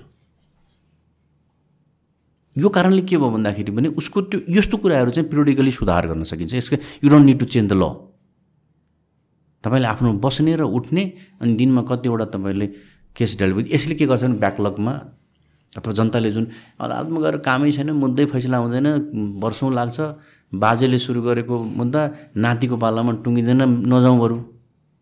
त्यो जस्टिसप्रतिको मान्छेको जुन त्यो साइनेस छ नि। त्यसलाई प्रोडिकली करेक्सन गर्न सकिन्छ? यस्तो यस्तो कुरा। जजलाई डिसिप्लिन गर्ने मान्छे कोही हुँदैन त। हाइकोर्ट र डिस्ट्रिक्ट कोर्टको जजलाई डिसिप्लिन गर्ने चाहिँ जुडिसियल काउन्सिल छ त्यसले गर्ने हो। सुप्रिम कोर्टको जज भनेको चाहिँ सेल्फ डिस डिसिप्लिनमा बस्ने चिज हो। समस्या कहाँनिर भइदियो भने उसको कमिसनमा चाहिँ उसलाई इम्पिचमेन्ट गर्न सक्यो उसको ओमिसनमा चाहिँ केही पनि गर्ने छैन। कमिसन भनेको चाहिँ नगर्नुपर्ने काम गर्यो भने कमिसन भयो क्राइम कमिट गर्यो। तर गर्नुपर्ने काम गरेन भने चाहिँ केही पनि हुँदैन। त्यही भनौँ न ऊ दस बजे बस्नु ठुलो लुपोल भयो नि त यो त। असी मैले भने नेपालमा के भयो भने कमिसनलाई चाहिँ हामीले क्राइम मान्यौँ ओमिसनलाई मानेनौँ। जस्तै मानौँ न त्यहाँ प्रहरी उभिरहेछ बाटोमा। एउटा मान्छेले मान्छे काट्न थाल्यो। उसको काम भनेको सुरक्षाको हिसाबमा उसले त्यो काट्नबाट बजाउनु पर्थ्यो। ऊ हात बाँधेर बस्थ्यो। उसले मान्छे मारेको भए चाहिँ उसलाई सजाय हुन्छ। त्यो मारेको हेरेर बस्थ्यो। अब ओमिसन त्यो त्यो त्यो सुप्रिम कोर्टको जजहरूकोमा पनि के भइदियो भने कमिसनमा अथवा कुनै पनि व्यक्तिहरूको के भने कमिसनमा हामीले सजाय राख्यौँ ओमिसनमा राखेनौँ। न यो यो कुरा चाहिँ तपाईँहरूको इन्डस्ट्री या सर्कलमा चाहिँ कुरा आउँछ कि आउँदैन? How do you how do you work with this भनेर?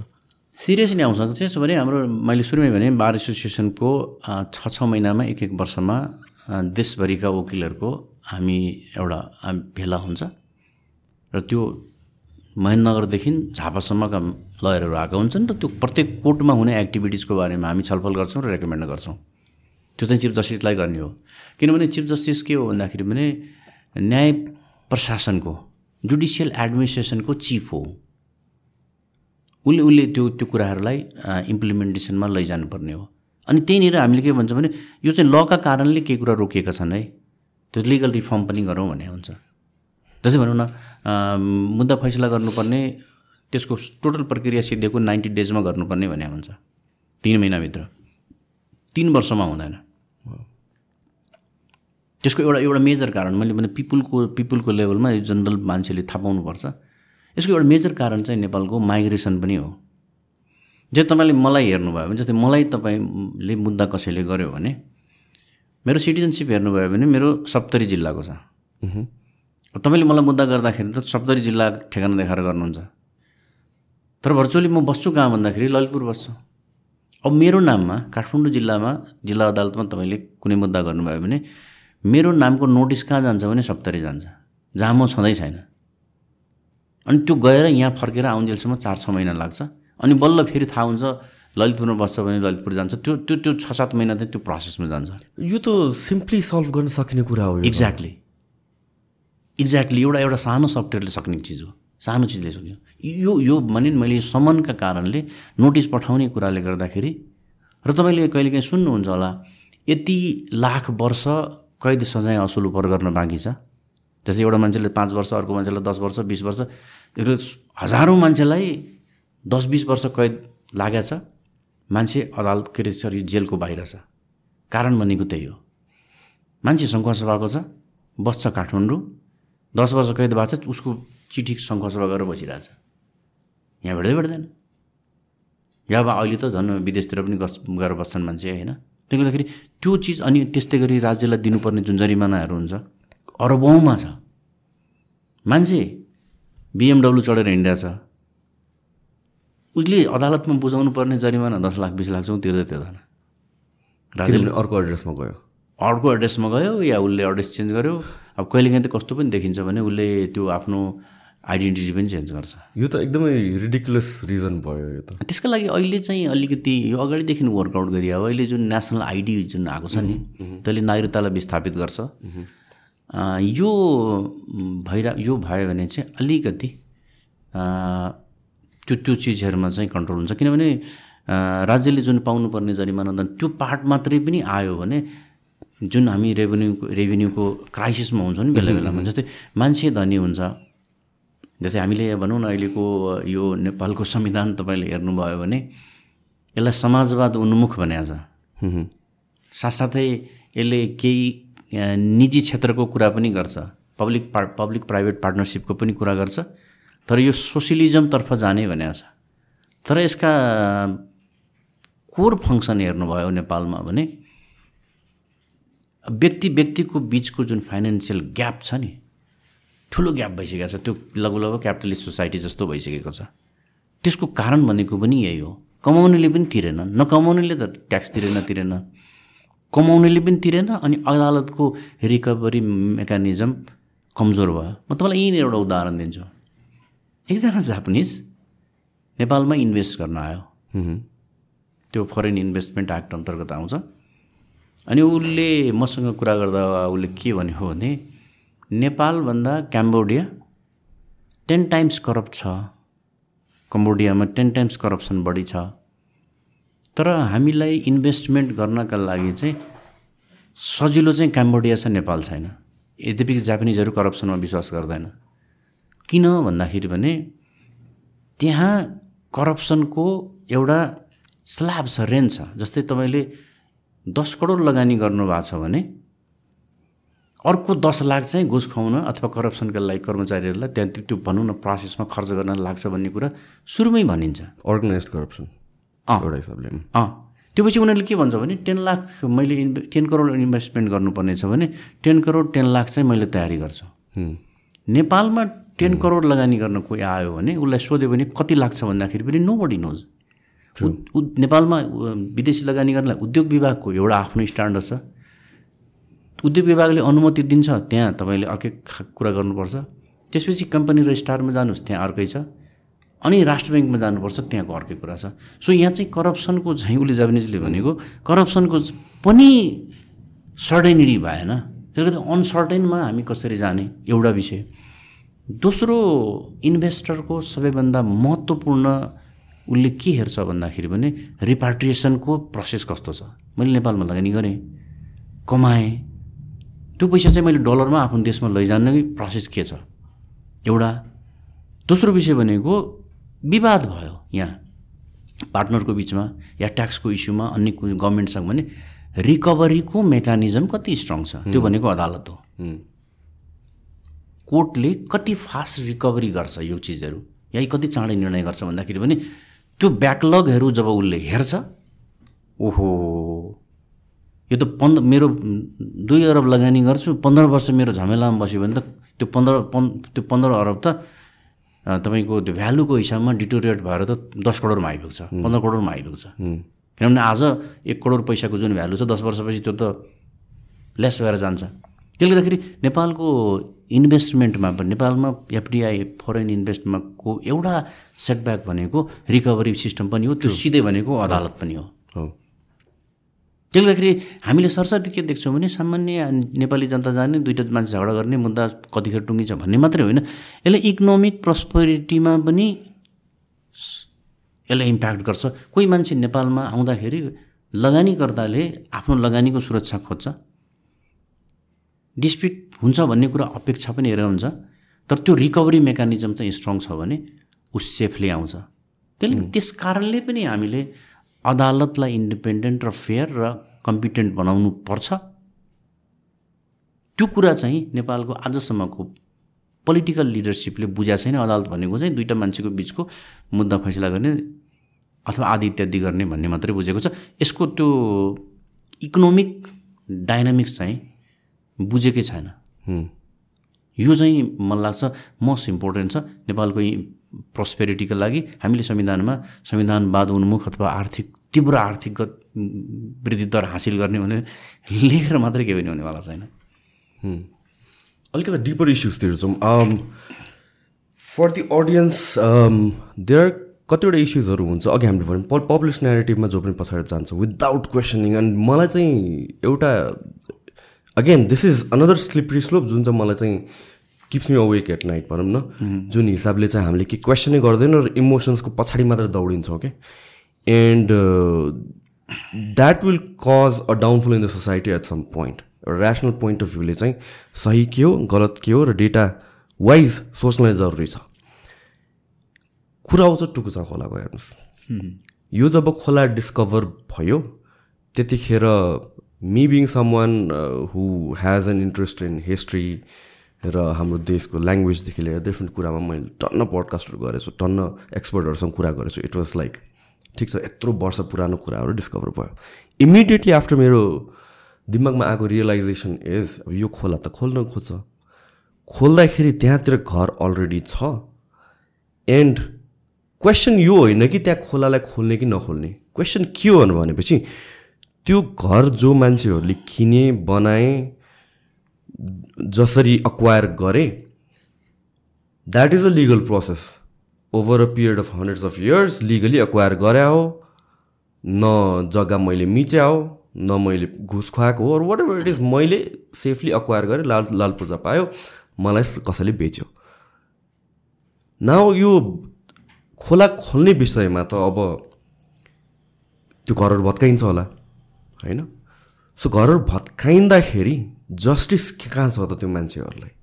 एउटा घर भनेको नेपालीहरूको लागि चाहिँ it's like lifetime goal हो क्या। सबभन्दा बिगेस्ट थिङ के भन्नु भनेपछि घर बनाउनु छ भन्छ होइन? पुस्ताउको सम्पत्ति जम्मा गरेर एभ्रिथिङ इन्भेस्ट गरेर एउटा घर बनाउँछ। अब त्यो मैले लिगली पनि अझ अक्वायर गरे ठाउँ हो। होइन? अब अल अफ अ सडन खोला डिस्कभर भयो। मेरो घर भत्काइन्छ मलाई कम्पन्सेसन पाउँदैन। किन? विभ सिन द्याट ह्यापन पहिला पनि। होइन? अब हामीलाई नै आफूलाई त्यो ठाउँमा राखौँ न। मेरो घर त्यहाँ पर्दैन बट भोलि मेरो घर जहाँ छ त्यहाँतिर केही डिस्कभर भयो। जसको बारेमा मलाई अवेर थिएन मेरो इल इन्टेन्सन थिएन कहिले पनि मैले त्यसरी इलिगली लिएन। सबै ठाउँमा राइट पे गरेँ मैले ट्याक्स पे गरेर आएको छु। विथ प्रपर डकुमेन्टेसन किने हो मैले हेर्दा रेकर्ड्सहरू ठिक थियो। अब भोलि मलाई त्यो घर मेरो घरबाट छिनिने हो कि? एज अ सिटिजन मेरो त राइट प्रोटेक्टेड मैले देखेन कि। यो केसमा चाहिँ टुकुचा खोलाको केसमा चाहिँ के छ? टुकुचा खोला भन्न बित्तिकै यो पब्लिक ल्यान्ड हो। यसको दुई तिनवटा पाटोबाट यसलाई हेरौँ। एउटा पाटो भनेको चाहिँ आजको दिनमा जसको घर छ तपाईँले भन्नुभयो। उसले आफ्नो नाममा टुकुचा खोला दर्ता गराएको हो। अथवा टुकुचा खोलाको पाटको जग्गा दर्ता गरायो। या अलरेडी दर्ता भएको जग्गा उसले किन्यो। यो चिज चाहिँ फाइन्ड आउट गर्नुपर्छ। जस्तै किन भन्दाखेरि भने टुकुचा खोलाको जग्गा अथवा टुकुचा खोलाको त्यो पानीको फ्लो हो भन्ने कुरा कन्फर्म भएपछि खोला भन्ने बित्तिकै यो त पब्लिक ल्यान्ड हो। अब सुरुमा त्यो जग्गा कसले दर्ता गरायो? जति भनौँ न जस्तै म कहाँ आए थर्ड ह्यान्ड आइपुग्यो। भनेपछि फर्स्ट मान्छे एकाउन्टेबल होला तर जसले मालपोत कार्यालयमा गयो जस्तै भनौँ टुकुचा खोलाको जग्गा मिस्टर एले किनेको छ आजको दिनमा मिस्टर एले घर बनाएर बसेको छ। उसले त्यो जग्गा मिस्टर बीबाट किन्यो। मिस्टर बीबाट किन्दाखेरि उसले सिम्पल गर्ने र तपाईँ हामीले सिम्पल गर्ने के हो भने मालपोत कार्यालयमा जाने। हो। किता नम्बर एक सय पच्चिस भनौँ न। मालपोत कार्यालयमा दर्ता छ कि छैन? नम्बर वान पहिले दर्ता छ। दर्ता भएपछि कुन स्टाटसमा छ? त्यो सरकारी नाममा दर्ता छ? या मलाई जसले बेच्न लागेको छ उसको बाउ बाजे अथवा उसको उसको नाममा छ? उसले त्यो देखेर किन्यो होला नि। त्यसपछि उसले उसलाई पेमेन्ट गरेर पैसा दिएर किन्नु भन्ने अनुमान गर्नुपर्छ। नभए पनि कमसेकम त्यो जुन सेल डिड हुन्छ नि त्यसमा लेखिएको हुन्छ यति लाखमा यति हजारमा किनेको हुन्छ। त्यो के गर्यो भन्दाखेरि पनि राज्यको जग्गा पास गर्ने निकाय। तपाईँ जानुहोस् म जानु आजका प्रधानमन्त्री किन्न गयो बेच्न गयो भने त्यहीँ जाने हो। होइन? त्यो त्यो हामी कानुन के छ भन्दाखेरि पनि अड्डा अदालतमा दुरुस्त राखिएको रेकर्ड चाहिँ अन्यथा प्रमाणित नहुन्जेलसम्म दुरुस्त छ भन्ने अनुमान गर्नुपर्छ। त्यो व्यक्तिले अनुमान गर्यो उसले खरिद गरेर गयो। सो म आजको बेलामा टुकुजा खोलाको अहिलेको स्टोरीमा के भन्छु भन्दाखेरि भने जो त्यो त्यो थर्ड सेकेन्ड बायर हो भने उसको घर खोलामा रहनुहुन्न भत्काउनु पर्ने होला। तर राज्यले त्यसको ड्यु कम्पेन्सेसन नदिकन चाहिँ लिन सक्दैन। किनभने गल्ती त राज्यबाटै भएको छ। म भन्दैछु त त्यो उसले जुन फर्स्ट दर्ता गर्यो नि जसले जसले जसले सरकारी जग्गा अथवा खोलालाई पब्लिकको नाममा व्यक्तिको नाममा बनायो नि त्यो फर्स्ट मान्छे चाहिँ एकाउन्टेबल हो। हो। होइन?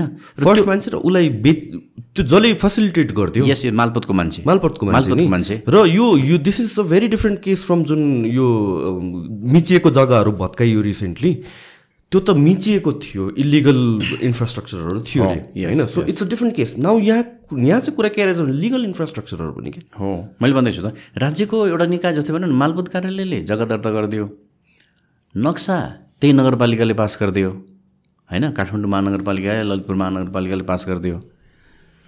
व्यक्ति त्यो इम्प्रेसनमा उसले त्यहाँ राज्यले त्योसँग स कर दस्तुर पनि लियो होला। यति स्क्वायर फिटको यति पैसा पनि भने उसले त्यो बेलामा तिर्यो होला। त्यो अनुसार बनायो।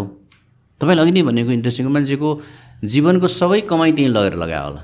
आजको दिनमा ऊ चार पाँच तल्ला घरमा बसेको छ त्यो हुने बित्तिकै उसको त्यही घरबाट भाडा उठाएर खानु पऱ्यो त्यो मान्छे सडकमा आइपुग्छ। त्यही कारणले हामीले के गर्यौँ भने संविधानमा सम्पत्ति सम्बन्धी अधिकार भन्यौँ। र त्यसलाई लगेर केमा हालियो भन्दाखेरि जग्गा प्राप्ति ऐन भन्ने छ एउटा। ल्यान्ड एक्विजिसन एक्ट भन्ने छ। त्यसमा के भन्यो भन्दाखेरि पनि राज्यले व्यक्तिको जग्गा उसको स्वीकृति बिना लिन सक्दैन। लिनै पर्यो भने क्षतिपूर्ति दिनुपर्छ। जस्तै तपाईँलाई उदाहरण बताउँ यो थानकोट यो जुन नौबिसेको बाटो थियो नि लामो समयसम्म धुलाम्मे भएर बस्यो। एउटा घरका कारणले एउटा घर जो सडकले भत्काउन खोजेको थियो। सुप्रिम कोर्टले स्टे अर्डर दिएर रोकिदिएको थियो। नो। यो उसको जग्गा तिमीले लिने हो भने ड्यु कम्पेन्सेसन दिनुपर्छ होइन भने भत्काउन पाउँदैन भनेर रोकिदिएको थियो। यही सुप्रिम कोर्ट हो? र त्यो लामो समयसम्म के भयो भन्दाखेरि त्यसका कारणले गर्दा त्यो बाटो नभनेपछि त्यो त्यो ठेकेदारले दैनिक गाली सुन्यो होला। त्यो त्यो धुलो पुरै उडेर त्यो केही पनि देखिँदैन त्यो कति गाडी एक्सिडेन्टबाट कति मान्छे मरे होइन? राज्यले त्यसको जिम्मा लिएन। त्यसले गर्दाखेरि यहीँ तपाईँ पाटनमा जानुभयो भने त्यहीँ घरको चोक छ घरको चोकमा एउटा घरका कारणले त्यो बाटो बढ्न सकेको थिएन।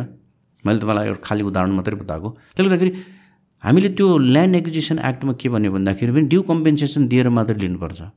अब खोलाको विषय चाहिँ लिगालिटीको क्वेसन उठ्यो। ल अर्को पार्टबाट ल त्यो त गैर कानुनी ठाउँमा सरकारी जग्गामा बनाइदियो तँलाई के को क्षतिपूर्ति? त्यो क्वेसन चाहिँ कसलाई हो भन्दाखेरि पनि त फर्स्ट जसले दर्ता गरायो। अनि तपाईँले मलाई म अहिले भइरहेको एक्जिस्टिङ अनरको घर भत्काइदिनु भयो। उसलाई गरिदिनु भयो। अनि जसले दर्ता गरिदियो त्यसलाई मुद्दा चलाउनु त्यसलाई कारवाही गर्नु पर्दैन सरकारी जग्गा जसले दर्ता गरायो अथवा त्यही मेसिनरीले होइन? यो विषय त्यसले गर्दाखेरि यसमा धेरै लामो विषय छैन। अहिले जो बसिरहेको छ फेरि के छ भन्दाखेरि भने हामी कहाँ एउटा अर्को पनि कानुन छ। तपाईँको जग्गामा मैले मिचेर घर बनाएँ।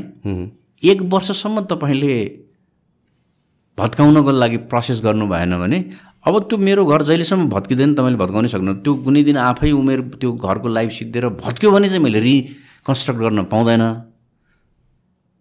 तर त्यो एक वर्ष समय नाग्यो भने चाहिँ तपाईँले भत्काउनै पाउँदैन। अब त्यो राज्यको त्यो तपाईँ सरकारी जग्गा हो सरकारी जग्गा अहिले आएर सरकारी भन्नुभयो तर त्यो मसँग लालपुर्जा छ। हुँ, त्यसले गर्दाखेरि यसमा धेरै लामो विषय। जो आजको एक्जिस्टिङ छ उसैले उसको बाबुबाजेले दर्ता गराएको हो भने चाहिँ गलत तरिकाले तैँले फल्सिफाइड डकुमेन्ट पेस गरेर तैँले गरिस्। त्यसको तैँले सजाय पाउनुपर्छ। तर ऊ सेकेन्ड थर्ड फोर्थ बायर हो भने चाहिँ मलाई लाग्छ राज्यले ड्यु कम्पेन्सेसन नदिकन भत्काउनै मिल्दैन। कहिलेकाहीँ चाहिँ कस्तो हुन्छ भन्दाखेरि पनि पपुलिस्ट कुरामा हो भत्काउनै पर्छ। यिनले खोला मिचेकी हुन् भन्ने कुरा एउटा त्यो सिम्पल नेरेटिभ हो। हो। सरसर्ती बुझ्दाखेरि हो नि खोलामा बनाएको घर त भत्काउनु पर्छ। तर अघि नि तपाईँले भने जस्तो त्यो ठाउँमा तपाईँ राख्नुहोस् आफूलाई राख्नुहोस्। र खास गरिकन ड्यु प्रोसेस अफ ल जुन भन्छ नि। जस्तै तपाईँले यो हामी यो यो शब्द चाहिँ के भयो भन्दाखेरि भने ब्रिटिसहरूले रुल अफ ल भने इन्डियनहरूले ड्यु प्रोसेस अफ ल भन्यो। हामीले त्यसलाई विधिको शासन भन्यो। इन्डियामा विधि भनेको चाहिँ कानुन हो। हामी चाहिँ हामी कहाँ विधि भनेको चाहिँ प्रक्रिया हो। जस्तै श्राद्धको विधि भन्छौँ नि हामी। उनीहरूको चाहिँ विधि भनेको ल हामी कहाँ विधि भनेको कानुन होइन हामी कहाँ चाहिँ प्रक्रिया हो। प्रोसेस ओके प्रोसेस हो। र डेमोक्रेसी तपाईँ तपाईँको डेमोक्रेसीमा रिजल्टभन्दा प्रोसेस इम्पोर्टेन्ट हुन्छ तपाईँ गलत प्रोसेसबाट सही रिजल्टमा पुग्नु भएको छ भने पनि त्यसको मतलब हुँदैन। तर सही प्रोसेसबाट जानु आज रिजल्ट गलत छ भने पनि त्यो प्रोसेसले त्यो रिजल्टलाई चाहिँ जस्टिफाई गरिदिन्छ। मेरो यहाँको पोइन्ट के हो भन्दाखेरि भने ऊ जग्गा किन्न मालपोतमा गयो। जग्गा मालपोतमा दर्ता छ। ऊभन्दा अगाडिको मान्छेले दर्ता गरिरहेछ। मालपोतले मालपोत पैसा लिइरहेछ। नगरपालिकाले ठिक छ उसको इन्जिनियर आयो उसको त्यतिखेरको existing law of the day भनौँ न। आज तपाईँ तपाईँ मेयर अथवा उपमेयर अथवा पदाधिकारी चेन्ज भएका कारणले ल चेन्ज हुन्छ। स्ट्यान्डर्ड चेन्ज हुन्छ। ल अफ द डे भन्छ क्या त्यही भएर? त्यो दिनको कानुन के थियो? तपाईँले आज कानुन बनाएर पनि रेट्रोस्पेक्टिभ इफेक्ट गर्न सक्नुहुन्न। त्यो ल अफ द डे त्यो दिनको कानुनअनुसार उसको त्यो प्रोसेस ठिक छ भने मलाई लाग्दैन त्यो गर्नुहुन्न र एउटा जस्ट सोसाइटीमा अनजस्ट सोसाइटीमा जे जे गर्दा पनि हुन्छ। तर जस्ट सोसाइटीले यो कुराहरू मान्दैन। हामीले त्यही कारणले धनी भए पनि प्रस्परस भए पनि मुस्लिम ललाई एडप्ट गरेनौँ नि। तपाईँ नेपालमा ड्रग्स बोक्नुभयो भने पनि अथवा नेपालमा जुनसुकै काम अपराध गर्नुभयो भने पनि हामीले क्यापिटल पनिसमेन्ट नदिने भन्यौँ। त्यो के का लागि? त्यसको पछाडिको अहिले बेला बेलामा क्यापिटल पनिसमेन्टको कुरा आउँछ मृत्युदण्ड दिनुपर्छ गर्नुपर्छ भन्ने आउँछ। मैले पनि यो अहिलेको देवानी फौजदारी संहिता आइराख्दाखेरि two thousand fif two thousand seventy फाइभमा यसले जसरी सजायहरू बढायो अल्टिमेटली चार पाँच वर्षमा नेपाल नेपाल चाहिँ मृत्युदण्डको मृत्युदण्ड दिने कानुन बनाउनेमा पुग्छ भनेर डिक्लेयर गरेका थिएँ। त्यो भनेको दुई तिन वर्षमा नेपालमा मृत्युदण्ड मृत्युदण्डको क्वेसन पार्लियामेन्टमा उठ्न थाल्यो। That does make sense to me म त एकदमै against capital punishment. Specially where a country like us जहाँ चाहिँ एभ्रिथिङ इज करप्टेड र रङ डिसिजन भने इट्स नो बिग डिल जस्तो हिसाबले लिइन्छ। एउटा पनि innocent life because you cannot go back from there yes होइन? होइन होइन त्यो त्यही भएर मैले भन्दा तपाईँलाई म बताउँछु त्यस भएर मैले के भने भने हामी प्रस्पेरस छ नि त Middle East Saudi Arabia Qatar त्यहाँ क्यापिटल पनिसमेन्ट छ। हामीभन्दा धनी छ हामी कल्पनै गर्दैनौँ त्यहाँ पुग्छौँ भन्ने कुरा। हामी सानो धरहरा हुँदा खुसी हुन्छौँ त्यहाँ बुर्ज खलिफा छ जो संसारको सबैभन्दा अग्लो छ होइन? भनौँ न एकछिनको लागि हामीहरू एउटा धरहरामा रमाएको छौँ धरहरा आयो भन्ने छौँ। हामी यत्रो सानो धरहरामा रमाएको छौँ। हामी किन क्यापिटल पनिसमेन्टमा गएनौँ अथवा हामीले किन सडचालिस सालको संविधान एबोलिस गऱ्यौँ भने त्यसको दुईवटा फिलोसफी छ। एउटा हामी पूर्वीय दर्शनमा विश्वास गर्छौँ। पूर्वीय दर्शनले के स्वीकार गर्छ भने कुनै न कुनै पोइन्टमा मान्छे सुध्रिन्छ र उसले पश्चाताप गर्यो भने उसलाई अवसर दिनुपर्छ। त्यो पश्चाताप भन्ने जुन छ नि अधर्म गरेको छ भने पनि त्यसले एकचोटि पश्चाताप गर्यो भने त्यसलाई मौका दिनुपर्छ। अब तपाईँले आज मान्छे मार्यो त्यसलाई क्यापिटल पनिसमेन्ट दिनुभयो भने उसले त्यो पश्चाताप गर्ने अवसरै पाउँदैन। त्यसले गर्दाखेरि त्यसलाई राख। त्यसले कुनै पोइन्टमा पश्चाताप गर्छ। पश्चाताप गरिसकेपछि उसले त्यसले त एउटा पाटो त्यो दोस्रो पाटो हामीले के गर्यौँ भने मान्छेको लाइफभन्दा ठुलो चिज चाहिँ छैन। लाइफ त तपाईँले राज्यले दिन सक्छ। राज्यले त्यति मात्रै खोज्न सक्छ जुन उसले दिन सक्छ। लाइफ तपाईँलाई राज्यले दिए होइन नि। हामी मलाई हात खुट्टा राज्यले दिए होइन नि? यो त प्रकृतिले हो। जुन चिज राज्य दिन सक्दैन त्यो चिज खोज्नु हुँदैन। तपाईँको फ्रिडमलाई लिमिट गर्न सक्छ। किनभने फ्रिडम तपाईँलाई राज्यले दिए हो। त्यो कारणले गर्दा फ्रिडम लिमिट गरेर तपाईँलाई जेलमा राखिदिने हुन्छ। या जेलमै पनि अझै गोल घरमा राख्छ जस्तै चाल सोबराजलाई हामीले सेन्ट्रल जेलमा राखेको छ सेन्ट्रल जेलभित्र पनि सानो एउटा गोल घर भन्ने ठाउँमा बसेको छ। उसको लिबर्टीलाई अझै कर्टेल गरिएको छ। खालि मैले जानकारीको लागि म बताएँ कि किनभने ऊ चाहिँ अलिकति नोटरियस क्रिमिनल भएको कारणले। अरू अरू क्रिमिनलहरूसँग ऊ कन्टामिनेट भयो भने उसले अझै त्यहीँ पनि जेलभित्रै पनि केही गर्छ भनेका कारणले। त्यसले गर्दा राज्यले दिएको फ्रिडमलाई चाहिँ लिमिट गर्न सक्छ तपाईँसँग खोज्न सक्छ। तर राज्यले जुन चिज दिएको छैन लाइफ दिएको छैन त्यो खोज्न सक्दैन। र फेरि यो के हो भन्दाखेरि भने जहाँ डेमोक्रेसी छ जहाँ रुल अफ ल छ जहाँ जस्टिसको कुरा गरिन्छ त्यो देशमा प्रिभेल गर्छ। तपाईँलाई दुईवटा उदाहरण म फेरि इन्डिया र पाकिस्तानको दिन्छु यो विषयमा। बम्बईमा सिरियल ब्लास्ट गरायो एउटा व्यक्तिले। कासब भन्ने मान्छे थियो पाकिस्तानी थियो। त्यो मान्छेलाई इन्डियाको बम्बईको रेलवेमा पुलिस रेलवे स्टेसनमा भाग्दै गर्दा पुलिसले समात्यो। त्यहीँ सुट गरिदिएको भए पनि जय जयकार हुन्थ्यो। सुट गरेन। अदालत के अरे उसलाई मुद्दा चलायो। तल्लो अदालतले मृत्युदण्ड दियो। हाइकोर्टमा गयो मृत्युदण्ड दियो।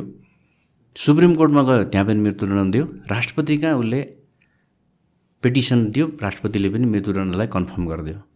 उसको त्यो होल त्यो प्रोसेसमा इन्डियन गभर्मेन्टले लयर हायर गर्यो। त्यो लयरलाई इन्डियन गभर्मेन्टले पैसा दियो। त्यो लयरले उसको तर्फबाट डिफेन्स गर्यो। तपाईँलाई अचम्म लाग्ला कसबको जेलमा बसेको किचनको खर्च मासिक पाँच लाख रुपियाँ भारू थियो जुन स्टे जुन सरकारले दिन्थ्यो। भेराइटिज अफ फुड उसको किचनमा दुई तिनजना मान्छे त पाँच लाख आइसी उसको मन्थली तपाईँको किचनमा थियो। पाकिस्तानको टेररिस्ट त्यस्तो स्पेसल ट्रिटमेन्ट पाउनु कारणले। म बताउँदैछु त्यो त्यही भएर म बताउँछु तपाईँलाई। उसको त्यहाँ यो गर्यो। पाकिस्तानमा एउटा इन्डियन आर्मीको मान्छे समात्यो कुलभूषण यादव भन्ने मान्छे। कुलभूषण यादव त्यहाँ समात्यो स्पाइङ गरिरहेको भन्ने चार्ज लगायो। उसको मिलिट्री कोर्टले सिधै उसलाई मृत्युदण्ड दियो। र त्यो तपाईँको टु थाउजन्ड सेभेन्टिनको अगस्तमा त्यो एक्जिक्युट गर्नेवाला थियो। उसलाई लयर पनि एभाइलेबल गराएन उसको मान्छे पनि भेट्न दिएन इन्डियन डिप्लोमेटले भेट्न जाँदाखेरि पनि भेट्न दिएन। इन्डियनहरू इन्टरनेसनल कोर्ट अफ जस्टिसमा गए र ती इन्टरनेसनल कोर्ट अफ जस्टिसले चाहिँ त्यो प्रपर रिप्रेजेन्टेसनको राइट तिमीले नदिएको हुनाले त्यसको त्यो इन्जोय गर्न नदिएको हुनाले त्यो एक्जिक्युसन चाहिँ स्टे गरिदियो रोकिदियो। र आजसम्मको दिनमा त्यो कुलभूषण यादवको मृत्युदण्ड रोकेर बसेको छ। इन्डियाले किन त्यो खर्च गर्यो भन्दाखेरि भने म तँलाई मार्ने त्यो कन्फर्म हो तर तेरो कुरा चाहिँ सुन्छु। र होल त्यो प्रोसेस जे छ नि जस्तै भनौँ न एउटा एउटा मान्छेलाई मृत्युदण्ड दिनको लागि डिस्ट्रिक्ट ट्रायल कोर्टमा ट्राई गर्नु पऱ्यो उसलाई हाइकोर्टमा जाने अवसर दिनु पऱ्यो लयर एभाइलेबल गराउनु पऱ्यो भाषा बुझ्दैन भने ट्रान्सलेटर एभाइलेबल गराउनु पऱ्यो एभ्रिथिङ दिन्छु फेरि पनि मार्छु। पाकिस्तानले त्यो त्यो होल प्रोसेसै छोडिदियो। केही पनि गरेन। अब यसै मारिदिने त्यसै मारिदिने हो मारिदिने गर। ती कारणले गर्दा के भयो भन्दाखेरि उसको सिस्टममा उसको त्यो ड्यु प्रोसेसमा मान्छेले ट्रस्ट गर्छन् र त्यो कारणले गर्दा के भयो भन्दाखेरि इन्डियाको डेमोक्रेसी भन्नुहोस् या इन्डियाको जुडिसियरी भन्नुहोस् अथवा त्यहाँको जस्टिस सिस्टमलाई मान्छे रिलाइ गर्छ पाकिस्तानको लागि रिलाइ गर्दैन। यो यो चिजहरू चाहिँ के हो भन्दाखेरि मैले यहाँ पनि जोड्न खोजेको त्यो ड्यु प्रोसेसलाई फलो गर्दा इन्डियन गभर्मेन्टलाई ठुलो तपाईँको आरोप लाग्यो। तत्काल मारिदिनु पर्नेलाई बेकारको वकिल उपलब्ध गराएर त्यत्रो खर्च गरेर तर तपाईँको सिस्टममा क्वेसन नउठोस्। नेपालमा पनि अहिले त्यही हो। भडाङ मुडुङ भत्काइदियो। टुकुचा खा खल खाली भयो सफा पानी बग्न थाल्यो। दुई चार सय तपाईँले स्वान ल्याएर हालिदिनुहोस्। स्वानहरू बग्न थाल्छन्। थेम्स नदी जस्तो हुन्छ। आहा कति राम्रो हुन्छ भन्ने हुन्छ।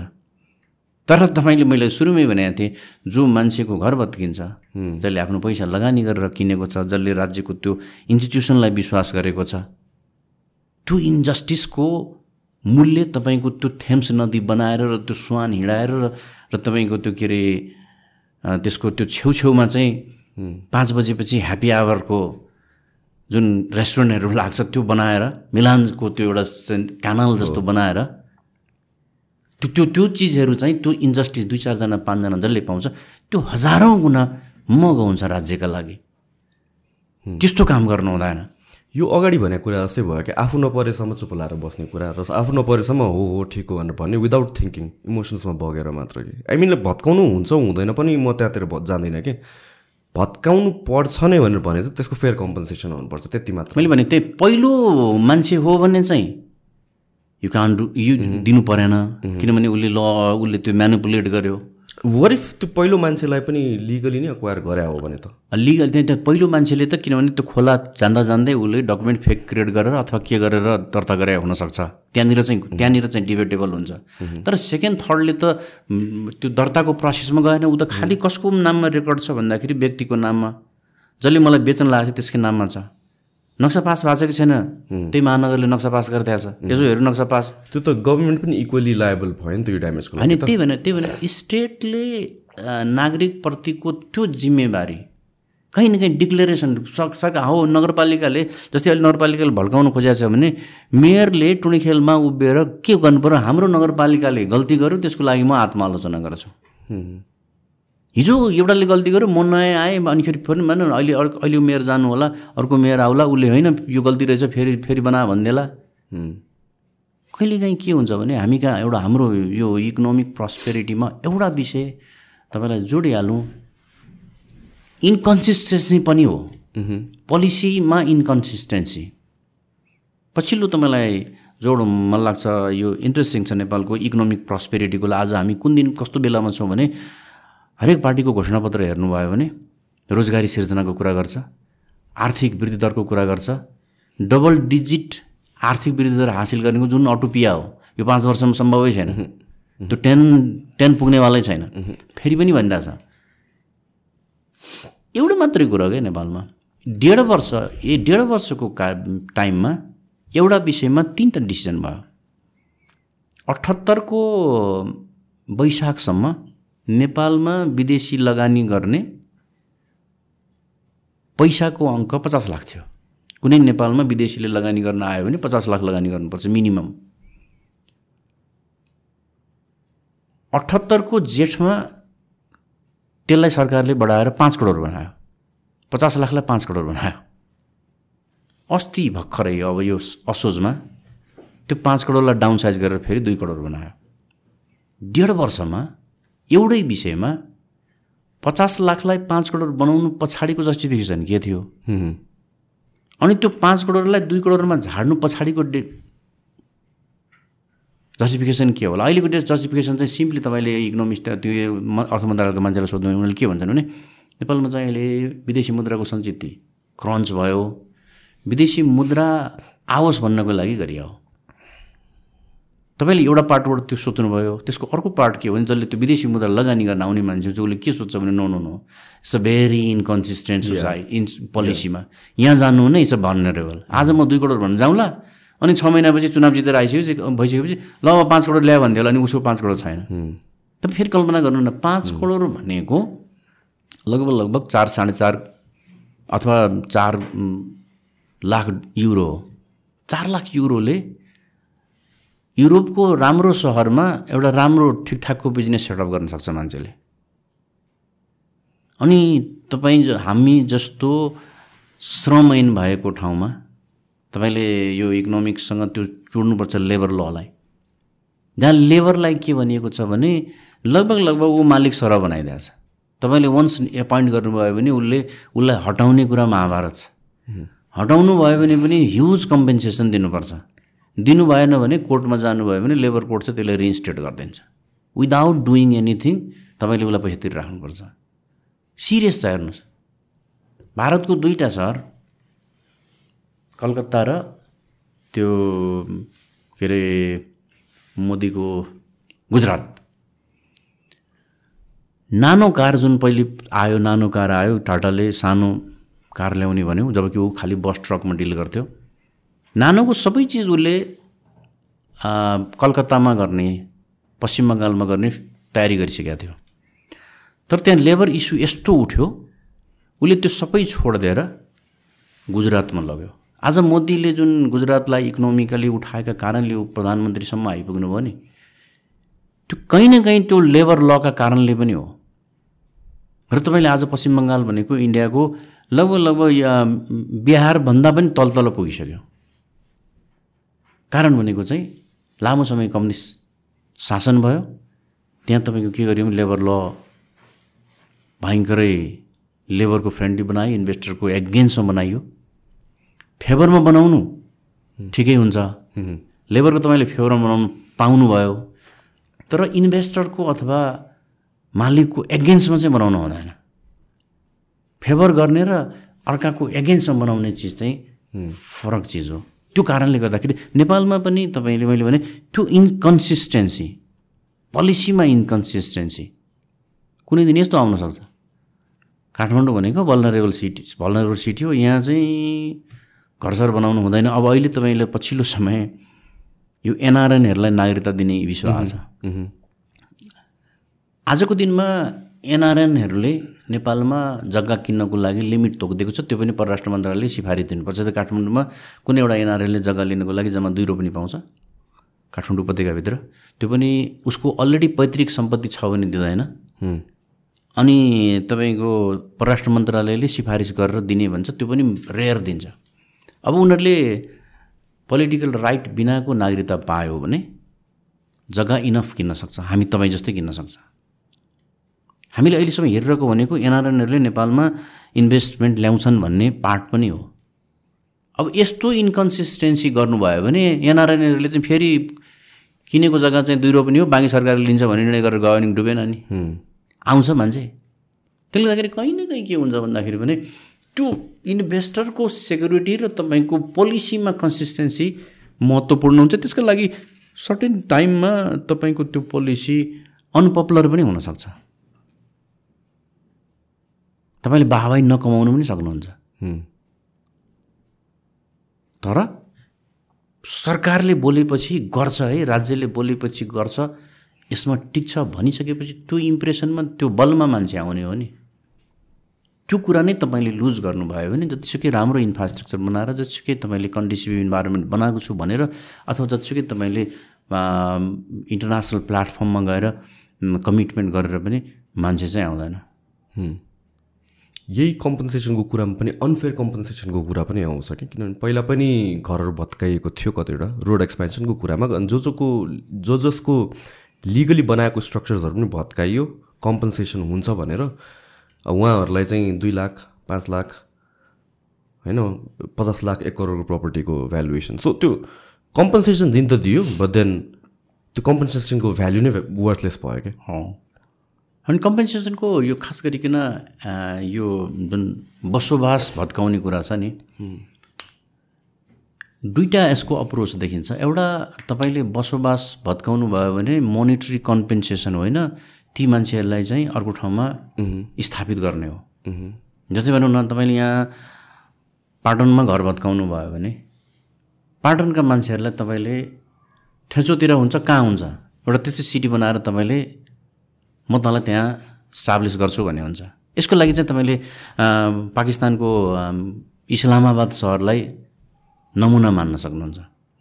पास पाकिस्तानको इस्लामाबाद सहर जहाँ राजधानी छ आज उनीहरूले टोटल सबै मान्छेलाई लगेर रावलपिण्डीमा सेटल गरे त्यहाँ नजिकैको अर्को सहरमा त्यसलाई टोटल ओपन बनाएर त्यो सिटीलाई वेल प्रणाल सिटी बनाएको छ। लगभग लगभग तपाईँ त्यो करा के अरे रा के अरे इस्लामाबाद जाँदाखेरि मोरलेस युरोपको सिटी जस्तो देखिन्छ। के गर्यो भने तर ती मान्छेहरूलाई मोनिटरी कम्पेन्सेसन दिएनन् कि नदिएर होइन कि लगेर अब ठाउँमा रिप्लेसै गरिदिए ल तिमीहरू यहाँ बस्ने भनिदियो त्यसले एउटा पार्ट के देखिन्छ भने घर भत्काएको छ भने उसलाई त्यो बराबरको त्यसको त्यही सिटीमा उसको आफ्नो जुन छ नि। उसको आफ्ना के भन्छ अब त्यो त्यही लेभल अफ इकोनोमिक्स पनि त हुनु पऱ्यो नि त। न्यु रोडको घर घर भत्काएर थेचोमा बसाइदिनु त त्यो त होइन एउटा पार्ट हो कमर्सियल भ्यालुको पार्ट एउटा भयो। त्यो चाहिँ तपाईँले फेरि कमर्सियल भ्यालुको कुरा गर्नुभयो। मैले खालि बस्ने कुरा गरेको हो। एउटा सिटी तपाईँले सिटी बनाएर हो सिरियसली हो न्यु रोडको एक आना जग्गा त्यहाँ पाँच के अरे पाँचजना दिनुभयो भने त्यो कम्पेन्सेट हुँदैन। त्यो सकिँदैन मोनिटरी कम्पेन्सेसन हुन्छ। मोनिटरिङ अब किन मोनिटरिङ कम्पेन्सेसनको लागि के हुन्छ भने राज्य कतिको क्षमता हाल्छ। किन ठुलो ह्युज पैसा निकाल्नुपर्ने हुन्छ। या त तपाईँले डोनरै खोज्नुपर्ने विवादै छैन विवादै छैन। कि त त्यो होइन भने तपाईँ मिलानको र लन्डनको जस्तो गर्न सक्नुहुन्छ। लन्डनका कोर एरियामा पनि गाडी जाँदैन। उनीहरूले भत्काउँदै भत्काएन स्ट्रक्चरलाई हामी कहाँ चाहिँ कसो भयो भने भन्दाखेरि बाटो ठुलो पार्नुपर्छ भनियो। बाटो ठुलो पारेर संसारमा कहीँ पनि ट्राफिक समाधान भएको छैन। र भएन पनि नि त। भएन। भएन नि त। भएन।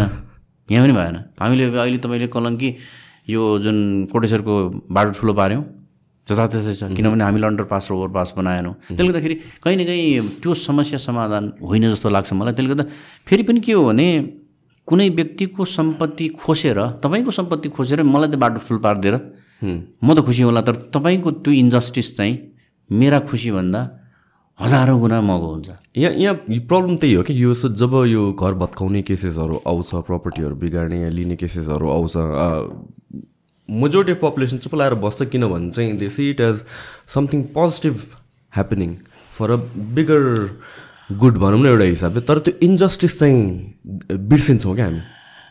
त्यसको पार्ट के हो भने जसको भत्किन्छ उसको भोइस चाहिँ लो हुन्छ। ऊ माइनोरिटीमा पनि हुन्छ उसको भोइस पनि कसै सुनिँदैन। एकछिनलाई मानौँ न ऊ गरिब मान्छेको भत्किन्छ। या अलिक धनी नै छ भने पनि उसको खासै भोइस सुनिँदैन। अब बाटो ठुलो लार्जर मान्छेलाई चाहिन्छ। होइन लार्जर मान्छेलाई चाहिन्छ। अनि त्यो जसले चाहिने हुन्छ त्यो ह्यान्डफुल पनि हुन्छ। त्यसले गर्दाखेरि पनि के गर्यो भने उसको भोइस चाहिँ हुन्छ तर त्यो भोइस एकदमै लो हुन्छ। हो अब के हो भन्दाखेरि राज्य त्यसकै लागि चाहियो हो। कमजोरका लागि राज्य चाहियो हो। स्टेट भनेको बलियाका लागि पनि बलियाले त आफै गरेर खाइहाल्छ नि। साँच्चै भन्नुहुन्छ भने तपाईँ हामीले कमजोरका लागि गरिदिने हो। बलियाका लागि गर्ने होइन। राज्यले पनि बलियाका लागि गर्ने तर त्यही कारणले गर्दा हामीले राज्यले त्यो कुरो नगर्ला एकाउन्टेबल नहोला भनेर राइट टु प्रोपर्टी कन्स्टिट्युसनमा फन्डामेन्टल राइटको रूपमा ग्यारेन्टी गरियो भने एकातर्फ तपाईँ फन्डामेन्टल राइटको रूपमा ग्यारेन्टी गर्नुहुन्छ राइट टु प्रोपर्टी उसको सेटलमेन्ट इलिगल छैन।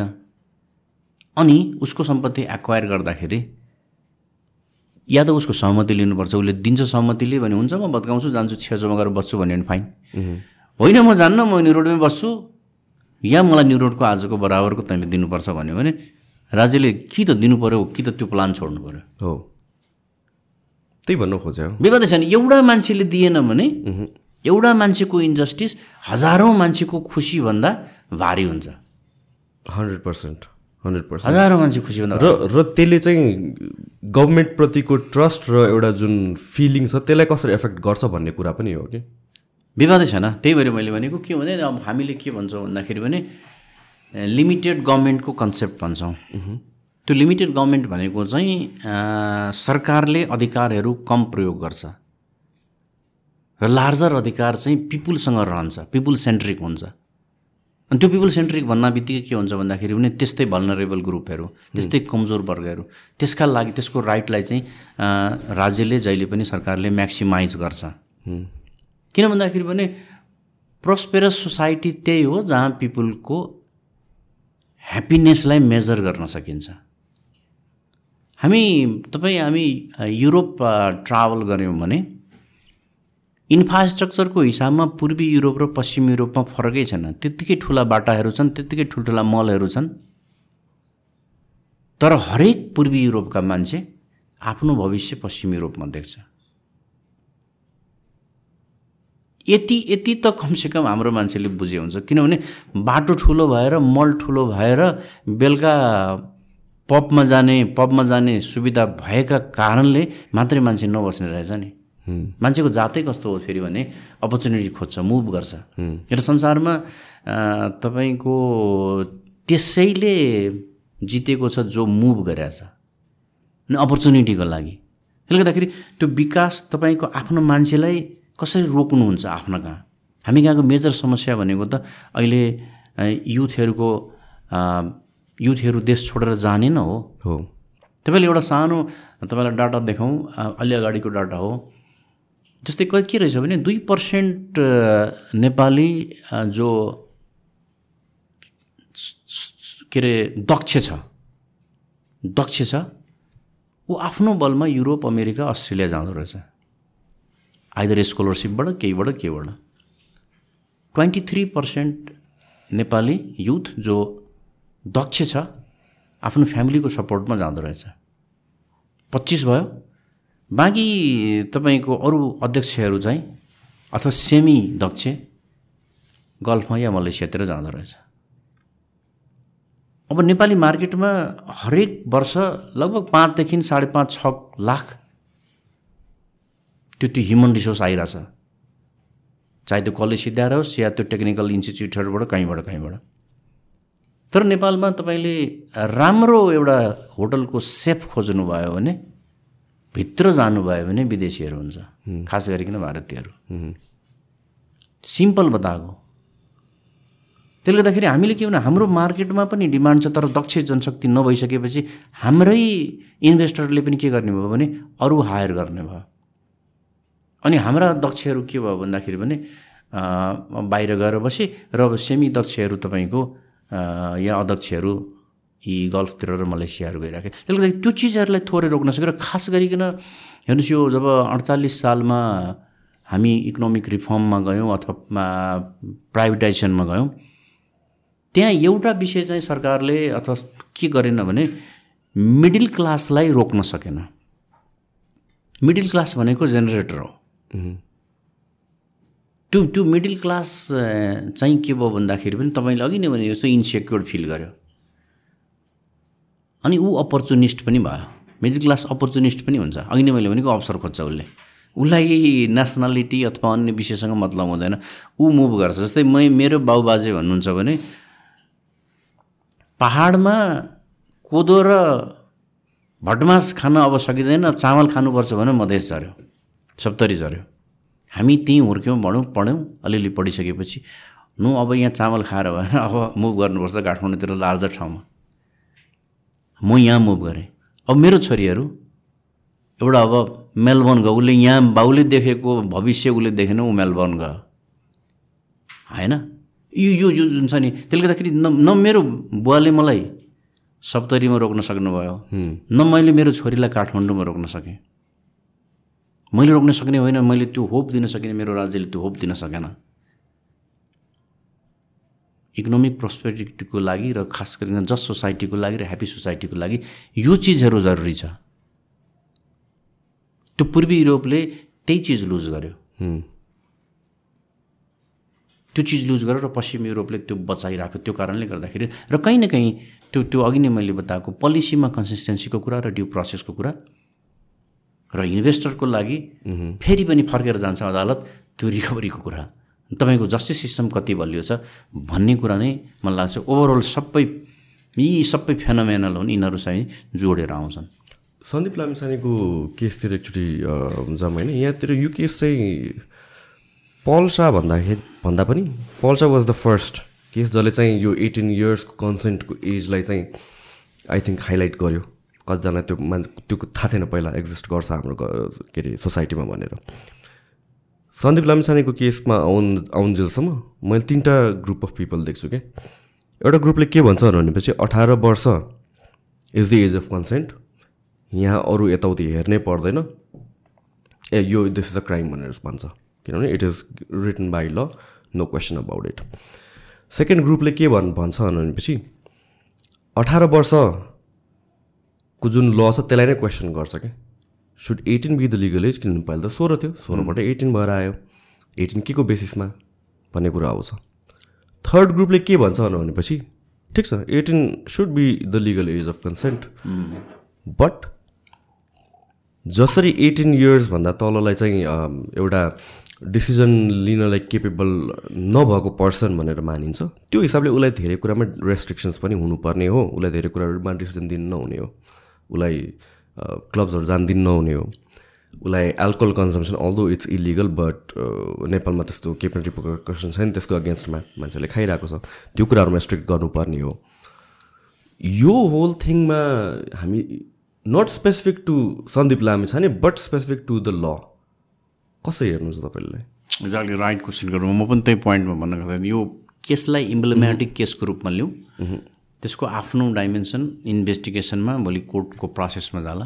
अनि अनदर थिङ चाहिँ मैले ठ्याक्कै त्यसमा जोडिहालेँ। दिस इज आई थिङ्क हामीहरू एज अ सिभिलियन बुझ्नलाई के जरुरी छ भनेपछि कुनै पनि case we can have our opinion तर जुन हिसाबले अहिले यो सोसियल मिडिया जस्टिस गर्छ नि द्याट इज भेरी रङ किनभने people like you or who are lawyers or professionals they are there for reason यत्रो इयर्स इन्भेस्ट गर्नुको एउटा रिजन छ र हामीले एउटा कुराकै बेसिसमा हामीले जज गर्नलाई चाहिँ मिल्दैन। जुन अहिले देखिन्छ कि सोसियल मिडियामा इजिली जज गरिदिन्छौँ हामीहरू without knowing facts without knowing anything अनि अनि अगेन अर्को क्वेसन मैले तपाईँले सोधिहालेँ। सो यो जुन बाहिरको आउटर पिपलको सेन्टिमेन्ट छ त्यसले कोर्टलाई कतिको इफेक्ट गर्छ?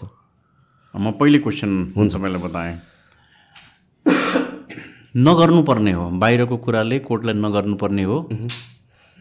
यदि कोर्ट इन्डिपेन्डेन्ट र एकाउन्टेबल छ र कम्पिटेन्ट छ भने मैले अघि नै बताइसकेँ कोर्ट आफै स्टेकमा भइसकेपछि उसलाई त्यो कुराहरूले म्याटर गर्छ गरिहाल्छ। किन भन्दाखेरि पनि कोर्ट भनेको अल्टिमेटली जज हो जज भनेको मान्छे हो। र उसको पछाडि उसको जबको कुरा हुन्छ। र कहिलेकाहीँ अघि नै भने जस्तो अन्नेसेसरी विवादमा किन पर्ने झमेलामा किन पर्ने जेसुकै होस् भन्ने खालको हुन्छ। उनीहरूको माइन्डसेट त्यो पनि हुनसक्छ। यद्यपि कि त्यो सेगमेन्ट अफ जजेस अथवा त्यो सेगमेन्ट अफ लयर चाहिँ रिमार्केबल नभए पनि केही सङ्ख्यामा छ। त्यसले गर्दाखेरि इफेक्ट गर्छ। खासमा सोसियल मिडियाको कुरा गर्नुभयो मलाई चाहिँ सोसियल मिडिया रमाइलो लाग्छ। एउटा कारणले म थोथोरै चलाउँछु। मेरो सोसाइटीको लेभल के छ? अथवा मेरो सोसाइटीको मुभ के छ भन्ने कुरा चाहिँ मलाई कहीँ जानु पर्दैन सर्वे गर्न। म त्यहीँबाट एकचोटि मैले ट्विटर सर र हेर्छु। Word social media platform Twitter भन्ने हो भने त यस्तो पोल रहेछ। सर हेऱ्यो फेसबुक यसो सर र हेऱ्यो। मलाई थाहा भइहाल्छ लेभल। एउटा त लेभल टेस्ट गर्न सजिलो भयो। तपाईँको you you don't need to send your surveyor or get the datas एउटा एउटा आइहाल्छ। त्यसमा पनि तपाईँले चारजना जर्नलिस्टको हेर्नुहोस्। चारजना लयरको हेर्नुहोस्। चारजना अरू पोलिटिसियनको हेर्नुहोस्। अनि यसो थोथोरै आफूले दिमाग लगाएपछि this is the level conclusion त्यसले गर्दाखेरि मलाई सोसियल मिडियाले सबैभन्दा राम्रो फाइदा चाहिँ के गरेको छ भने म मेरो सोसाइटीको ऐनामा कहाँ छु भन्ने कुरा चाहिँ यो सित्तैमा जस्तो वाइफाईको पै के अरे इन्टरनेटको पैसा तिर्छु मैले मेरो स्मार्टफोनको पैसा तिर्छु त्यति मैले प्राप्त गरिरहेको छु त्यसले गर्दाखेरि मैले यसलाई पोजिटिभमा लिएको छु। मै मेरो त्यो पर्सपेक्टिभमा चाहिँ। र केही कुराहरू यस्तो प्लेटफर्म हो जहाँ मान्छेले आफ्ना कुराहरू कहिलेकाहीँ भन्न नपाएका कारणले। कहिलेकाहीँ मजाकमा भन्छु it's a it's a platform of vomiting पनि भन्छु मैले। हरेक मान्छेले भमिट गरेर हुन्छ यद्यपि कि त्यो भमिट त्यहाँ गर्न नपाए उसले अर्को ठाउँमा गर्थ्यो होला। त्यसले गर्दाखेरि एनिवे यो कमसेकम एउटा खालको प्लेटफर्म छ जहाँ मान्छेले गरिरहेको छ यद्यपि कि त्यसको प्रयोग र दुरुपयोगको विषय आफ्नो ठाउँमा छ। त्यहाँसम्म दुईवटा केस तपाईँले कुरा गर्नुभयो र खास गरिकन एजको कन्सेन्टको कुरा। भनेपछि यो ल बनिराख्दाखेरि आजको क्रिमिनल कोड भनौँ फौजदारी अपराध संहिता सम्पार्टमा म पनि यसमा इन्भल्भ थिएँ। र यो खास गरिकन भिक्टिमको भनौँ अथवा महिलाको भनौँ एजको फ्याक्टरलाई हामीले तिनवटा ग्राउन्डमा नागरिकता लिनलाई सोह्र वर्ष भन्यौँ।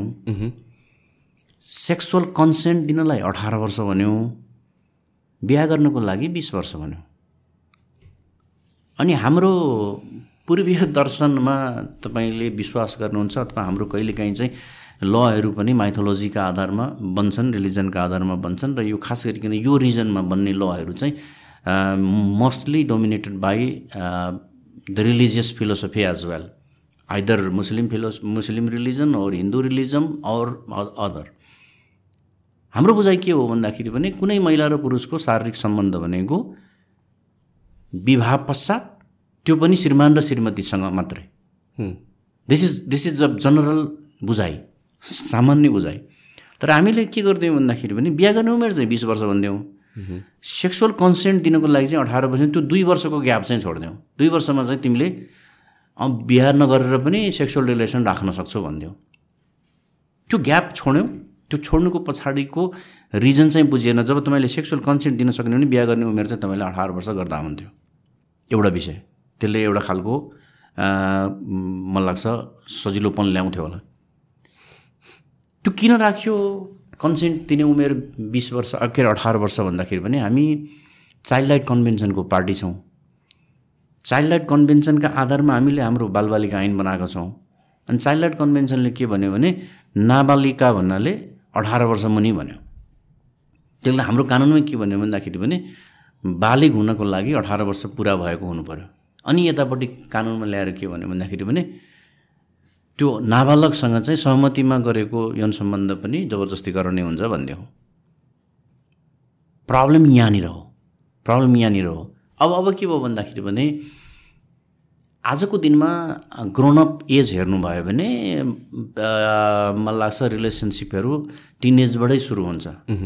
यो यो सोसाइटीको इनएभिटेबल फ्याक्टर हो यसलाई कसरी रोक्नै सक्दैन। यसलाई यसलाई रोक्नै सकिँदैन। खालि अब लले के गर्यो भन्दाखेरि भने त्यो कन्सेन्टको पार्ट चाहिँ के गर्यो भने त्यो भिक्टिमको पार्टमा खास गरिकन अन्डर एज माइनरको लागि चाहिँ स्ट्रिक भनिदियो। उसको तिमीले सहमति लिएर गरेको छौ भने पनि त्यो पार्टमा जान्छ त्यसले गर्दा जसोसुकै तपाईँले कुरा गरे भने पनि माइनर छ सहमति लिनु भएको छैन भने ल वाट अट टु बी भन्ने चाहिँ त छलफल होला सोसियल मिडियामा तपाईँ हामी। तर वाट इट इज आज जे छ त्यो अनुसार तपाईँले कन्सिक्वेन्सेस फेस गर्नुपर्छ। यसको कुनै इफ बट्टै छैन।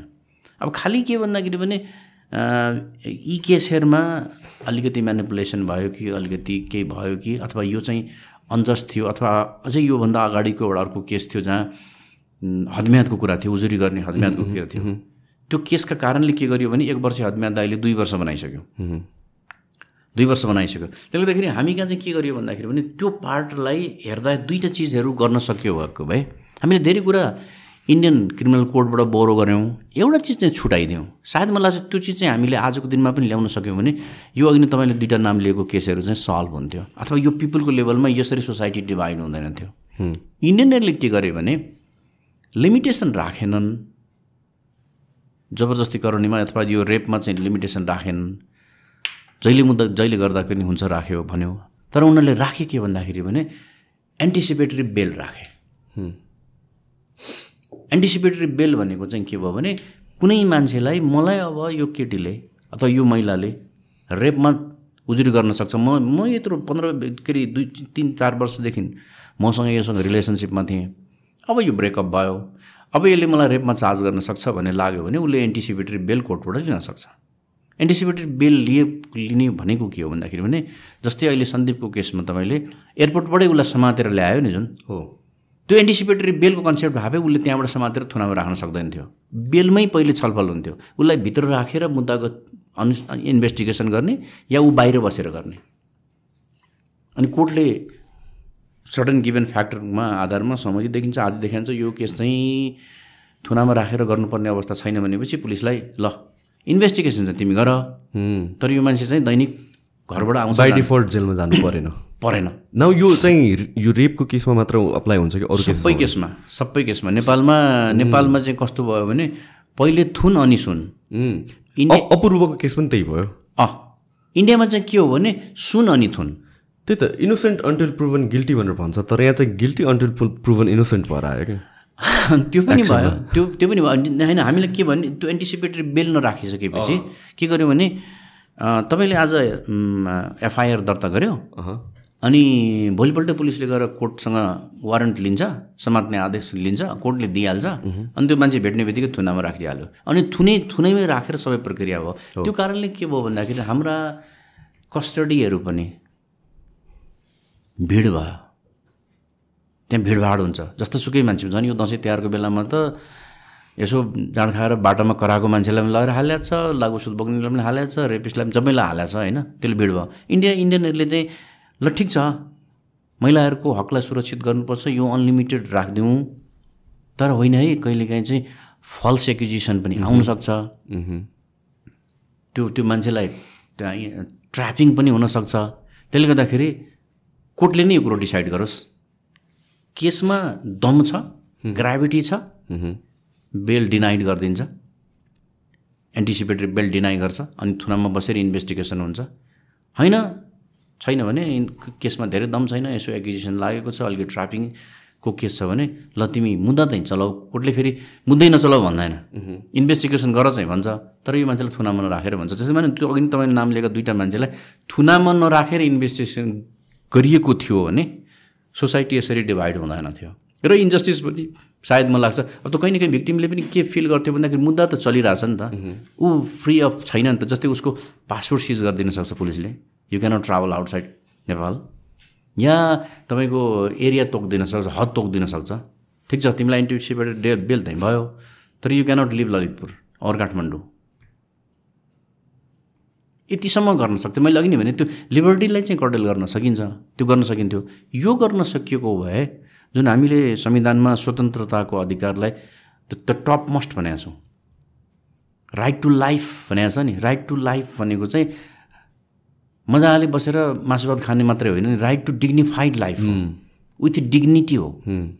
र त्यो डिग्निटीलाई चाहिँ बचाउने काम चाहिँ फेरि पनि स्टेटको हो। र स्टेटलाई स्टेट भनेको चाहिँ त्यो स्टेटको मेस मेसिनरी हो।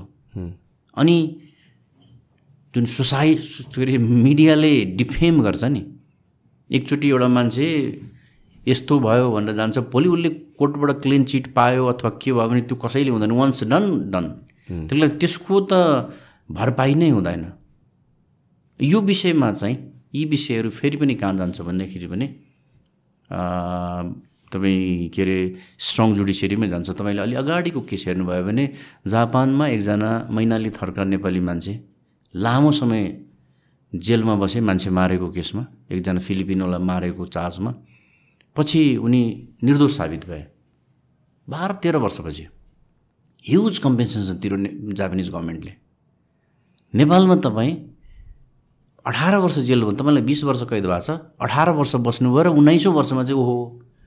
यो मान्छे इनोसेन्ट छ भनेर निस्क्यो भने you will not get a single rupees यो यो पनि एउटा खालको नेपालमा समस्या देखिन्छ। यद्यपि कि यी चिजहरू चाहिँ बिस्तारै गर्न सक्यो भने फेरि कस्तो भन्दाखेरि पनि कहिलेकाहीँ हाम्रो सोसाइटी कस्तो छ भने होइन खालि यो अपराधीको फेभर गरो सरकारले। राज्यले अपराधीलाई स्वी गर्थ्यो त्यो अपराधी भन्ने जुन नेरेटिभ छ नि सुरुमै मान्छेलाई त्यसले गर्दाखेरि एउटा एउटा पर्सनालिटी बन्नका लागि म त्यही कन्टेक्स्टमा जोडेँ। धेरै फ्याक्टरले काम गर्नुपर्छ। तर त्यो बिग्रिनको लागि ओभरनाइट विदिन अ आवर चिजहरू सिद्धिन्छ। कहीँ न कहीँ राज्यका लगानी हुन्छन् त्यो पर्सनालिटी बन्नको लागि। तपाईँको पर्सनालिटी बन्न मेरो पर्सनालिटी बन्न त एबिसिडी कसैको बन्न। कहीँ न कहीँ कन्ट्रिब्युट गरे हुन्छ नि। जस्तै भनौँ न हामी कहिलेकाहीँ कहिलेकाहीँ चिप गरे राज्यले मलाई के दिएछ भने हुन्छ। अनि त्यो बाटोमा तपाईँ फ्रिली गाडी चलाएर हिँड्छु कसले दिएको थियो? होइन? तपाईँ आरामले रेस्टुरेन्टमा गएर खाना पाउनुहुन्छ कसले दिएको थियो? पैसा तिर्नुहुन्छ। तर त्यो रेस्टुरेन्ट दर्ता गरेर चलाउनको लागि दिने त्यो इन्फ्रास्ट्रक्चर राज्यले गर्दा हो भने त्यसले गर्दाखेरि त्यो राज्यको त्यो कुराहरूलाई त्यो कुराहरूलाई पनि कन्सिडर गर्दै मैले भने कि त्यो चिज बनी बनाऊ चिजहरूलाई बनी बनाएको व्यक्तित्वहरूलाई कसरी बचाउन सकिन्छ भन्ने कुराहरूको पनि परिबन्ध चाहिँ हामीले लबाट गर्न सकिन्छ। म यही कार्यक्रम मार्फत कसले सुन्छ थाहा छैन राज्यको कुनै मान्छेले सुन्छ कि सुन्दैन। यदि तिमीले यत्रो बनाइसक्यो अपराध संहिता बनाइसक्यो भने त्यो इन्डियाको जुन एन्टिसिपेटरी बेलवाला कन्सेप्ट छ नेपालको क्रिमिनल प्रोसिडियर कोडमा चाहिँ ल्याउनु जरुरी छ। त्यो ल्याइयो भने धेरै सन्दीपहरूलाई जस्टिस हुनसक्छ।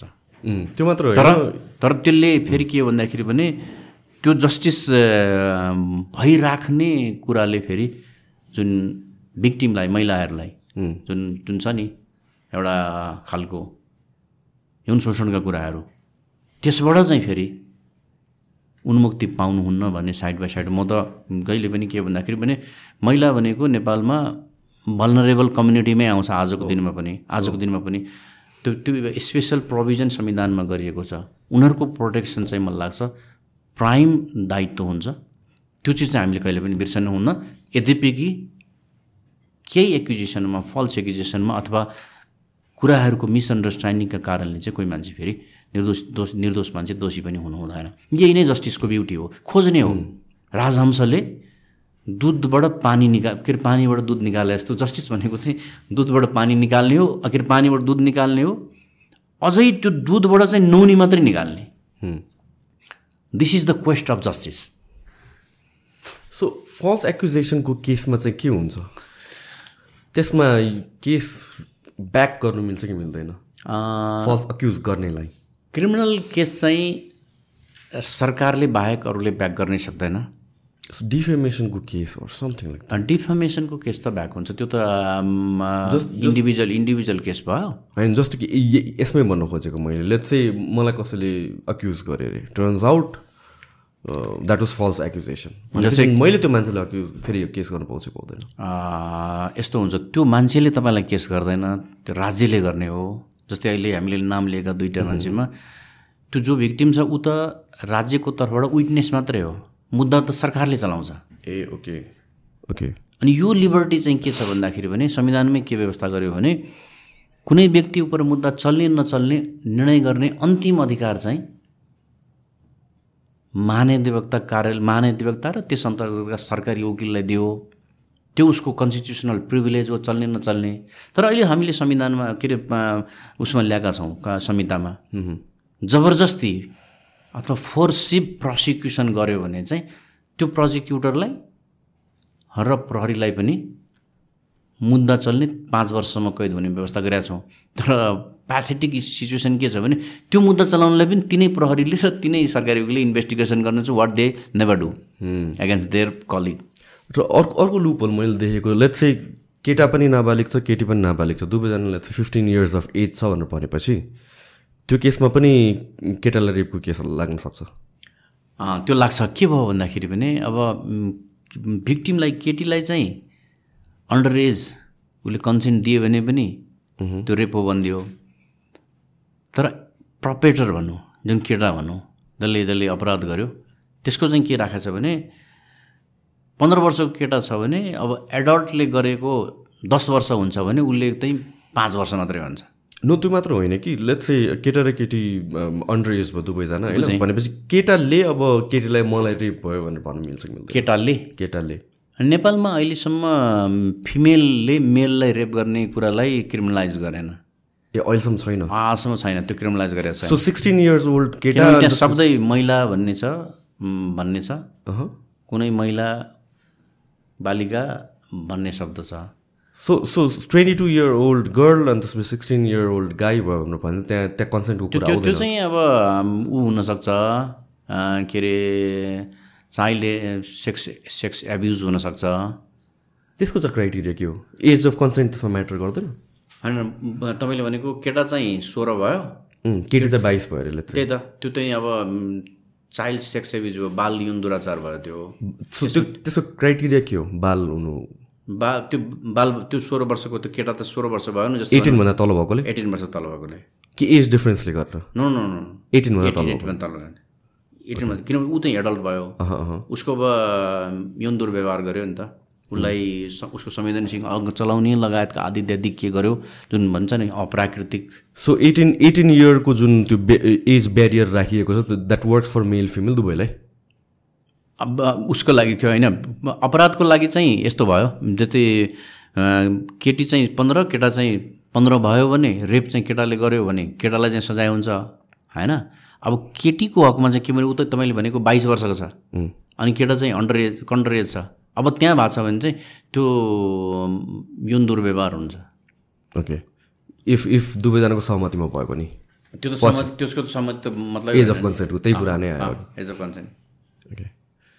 I I think we cover pretty much everything केही त्यस्तो बाँकी छ जस्तो लाग्यो thank you so much for your time interesting conversation धेरै कुराहरू थाहा पाएँ आज Thank you very much. Thank you very much for this opportunity. I also enjoyed talking with you. Thank you thank you Thank you very much. Have good day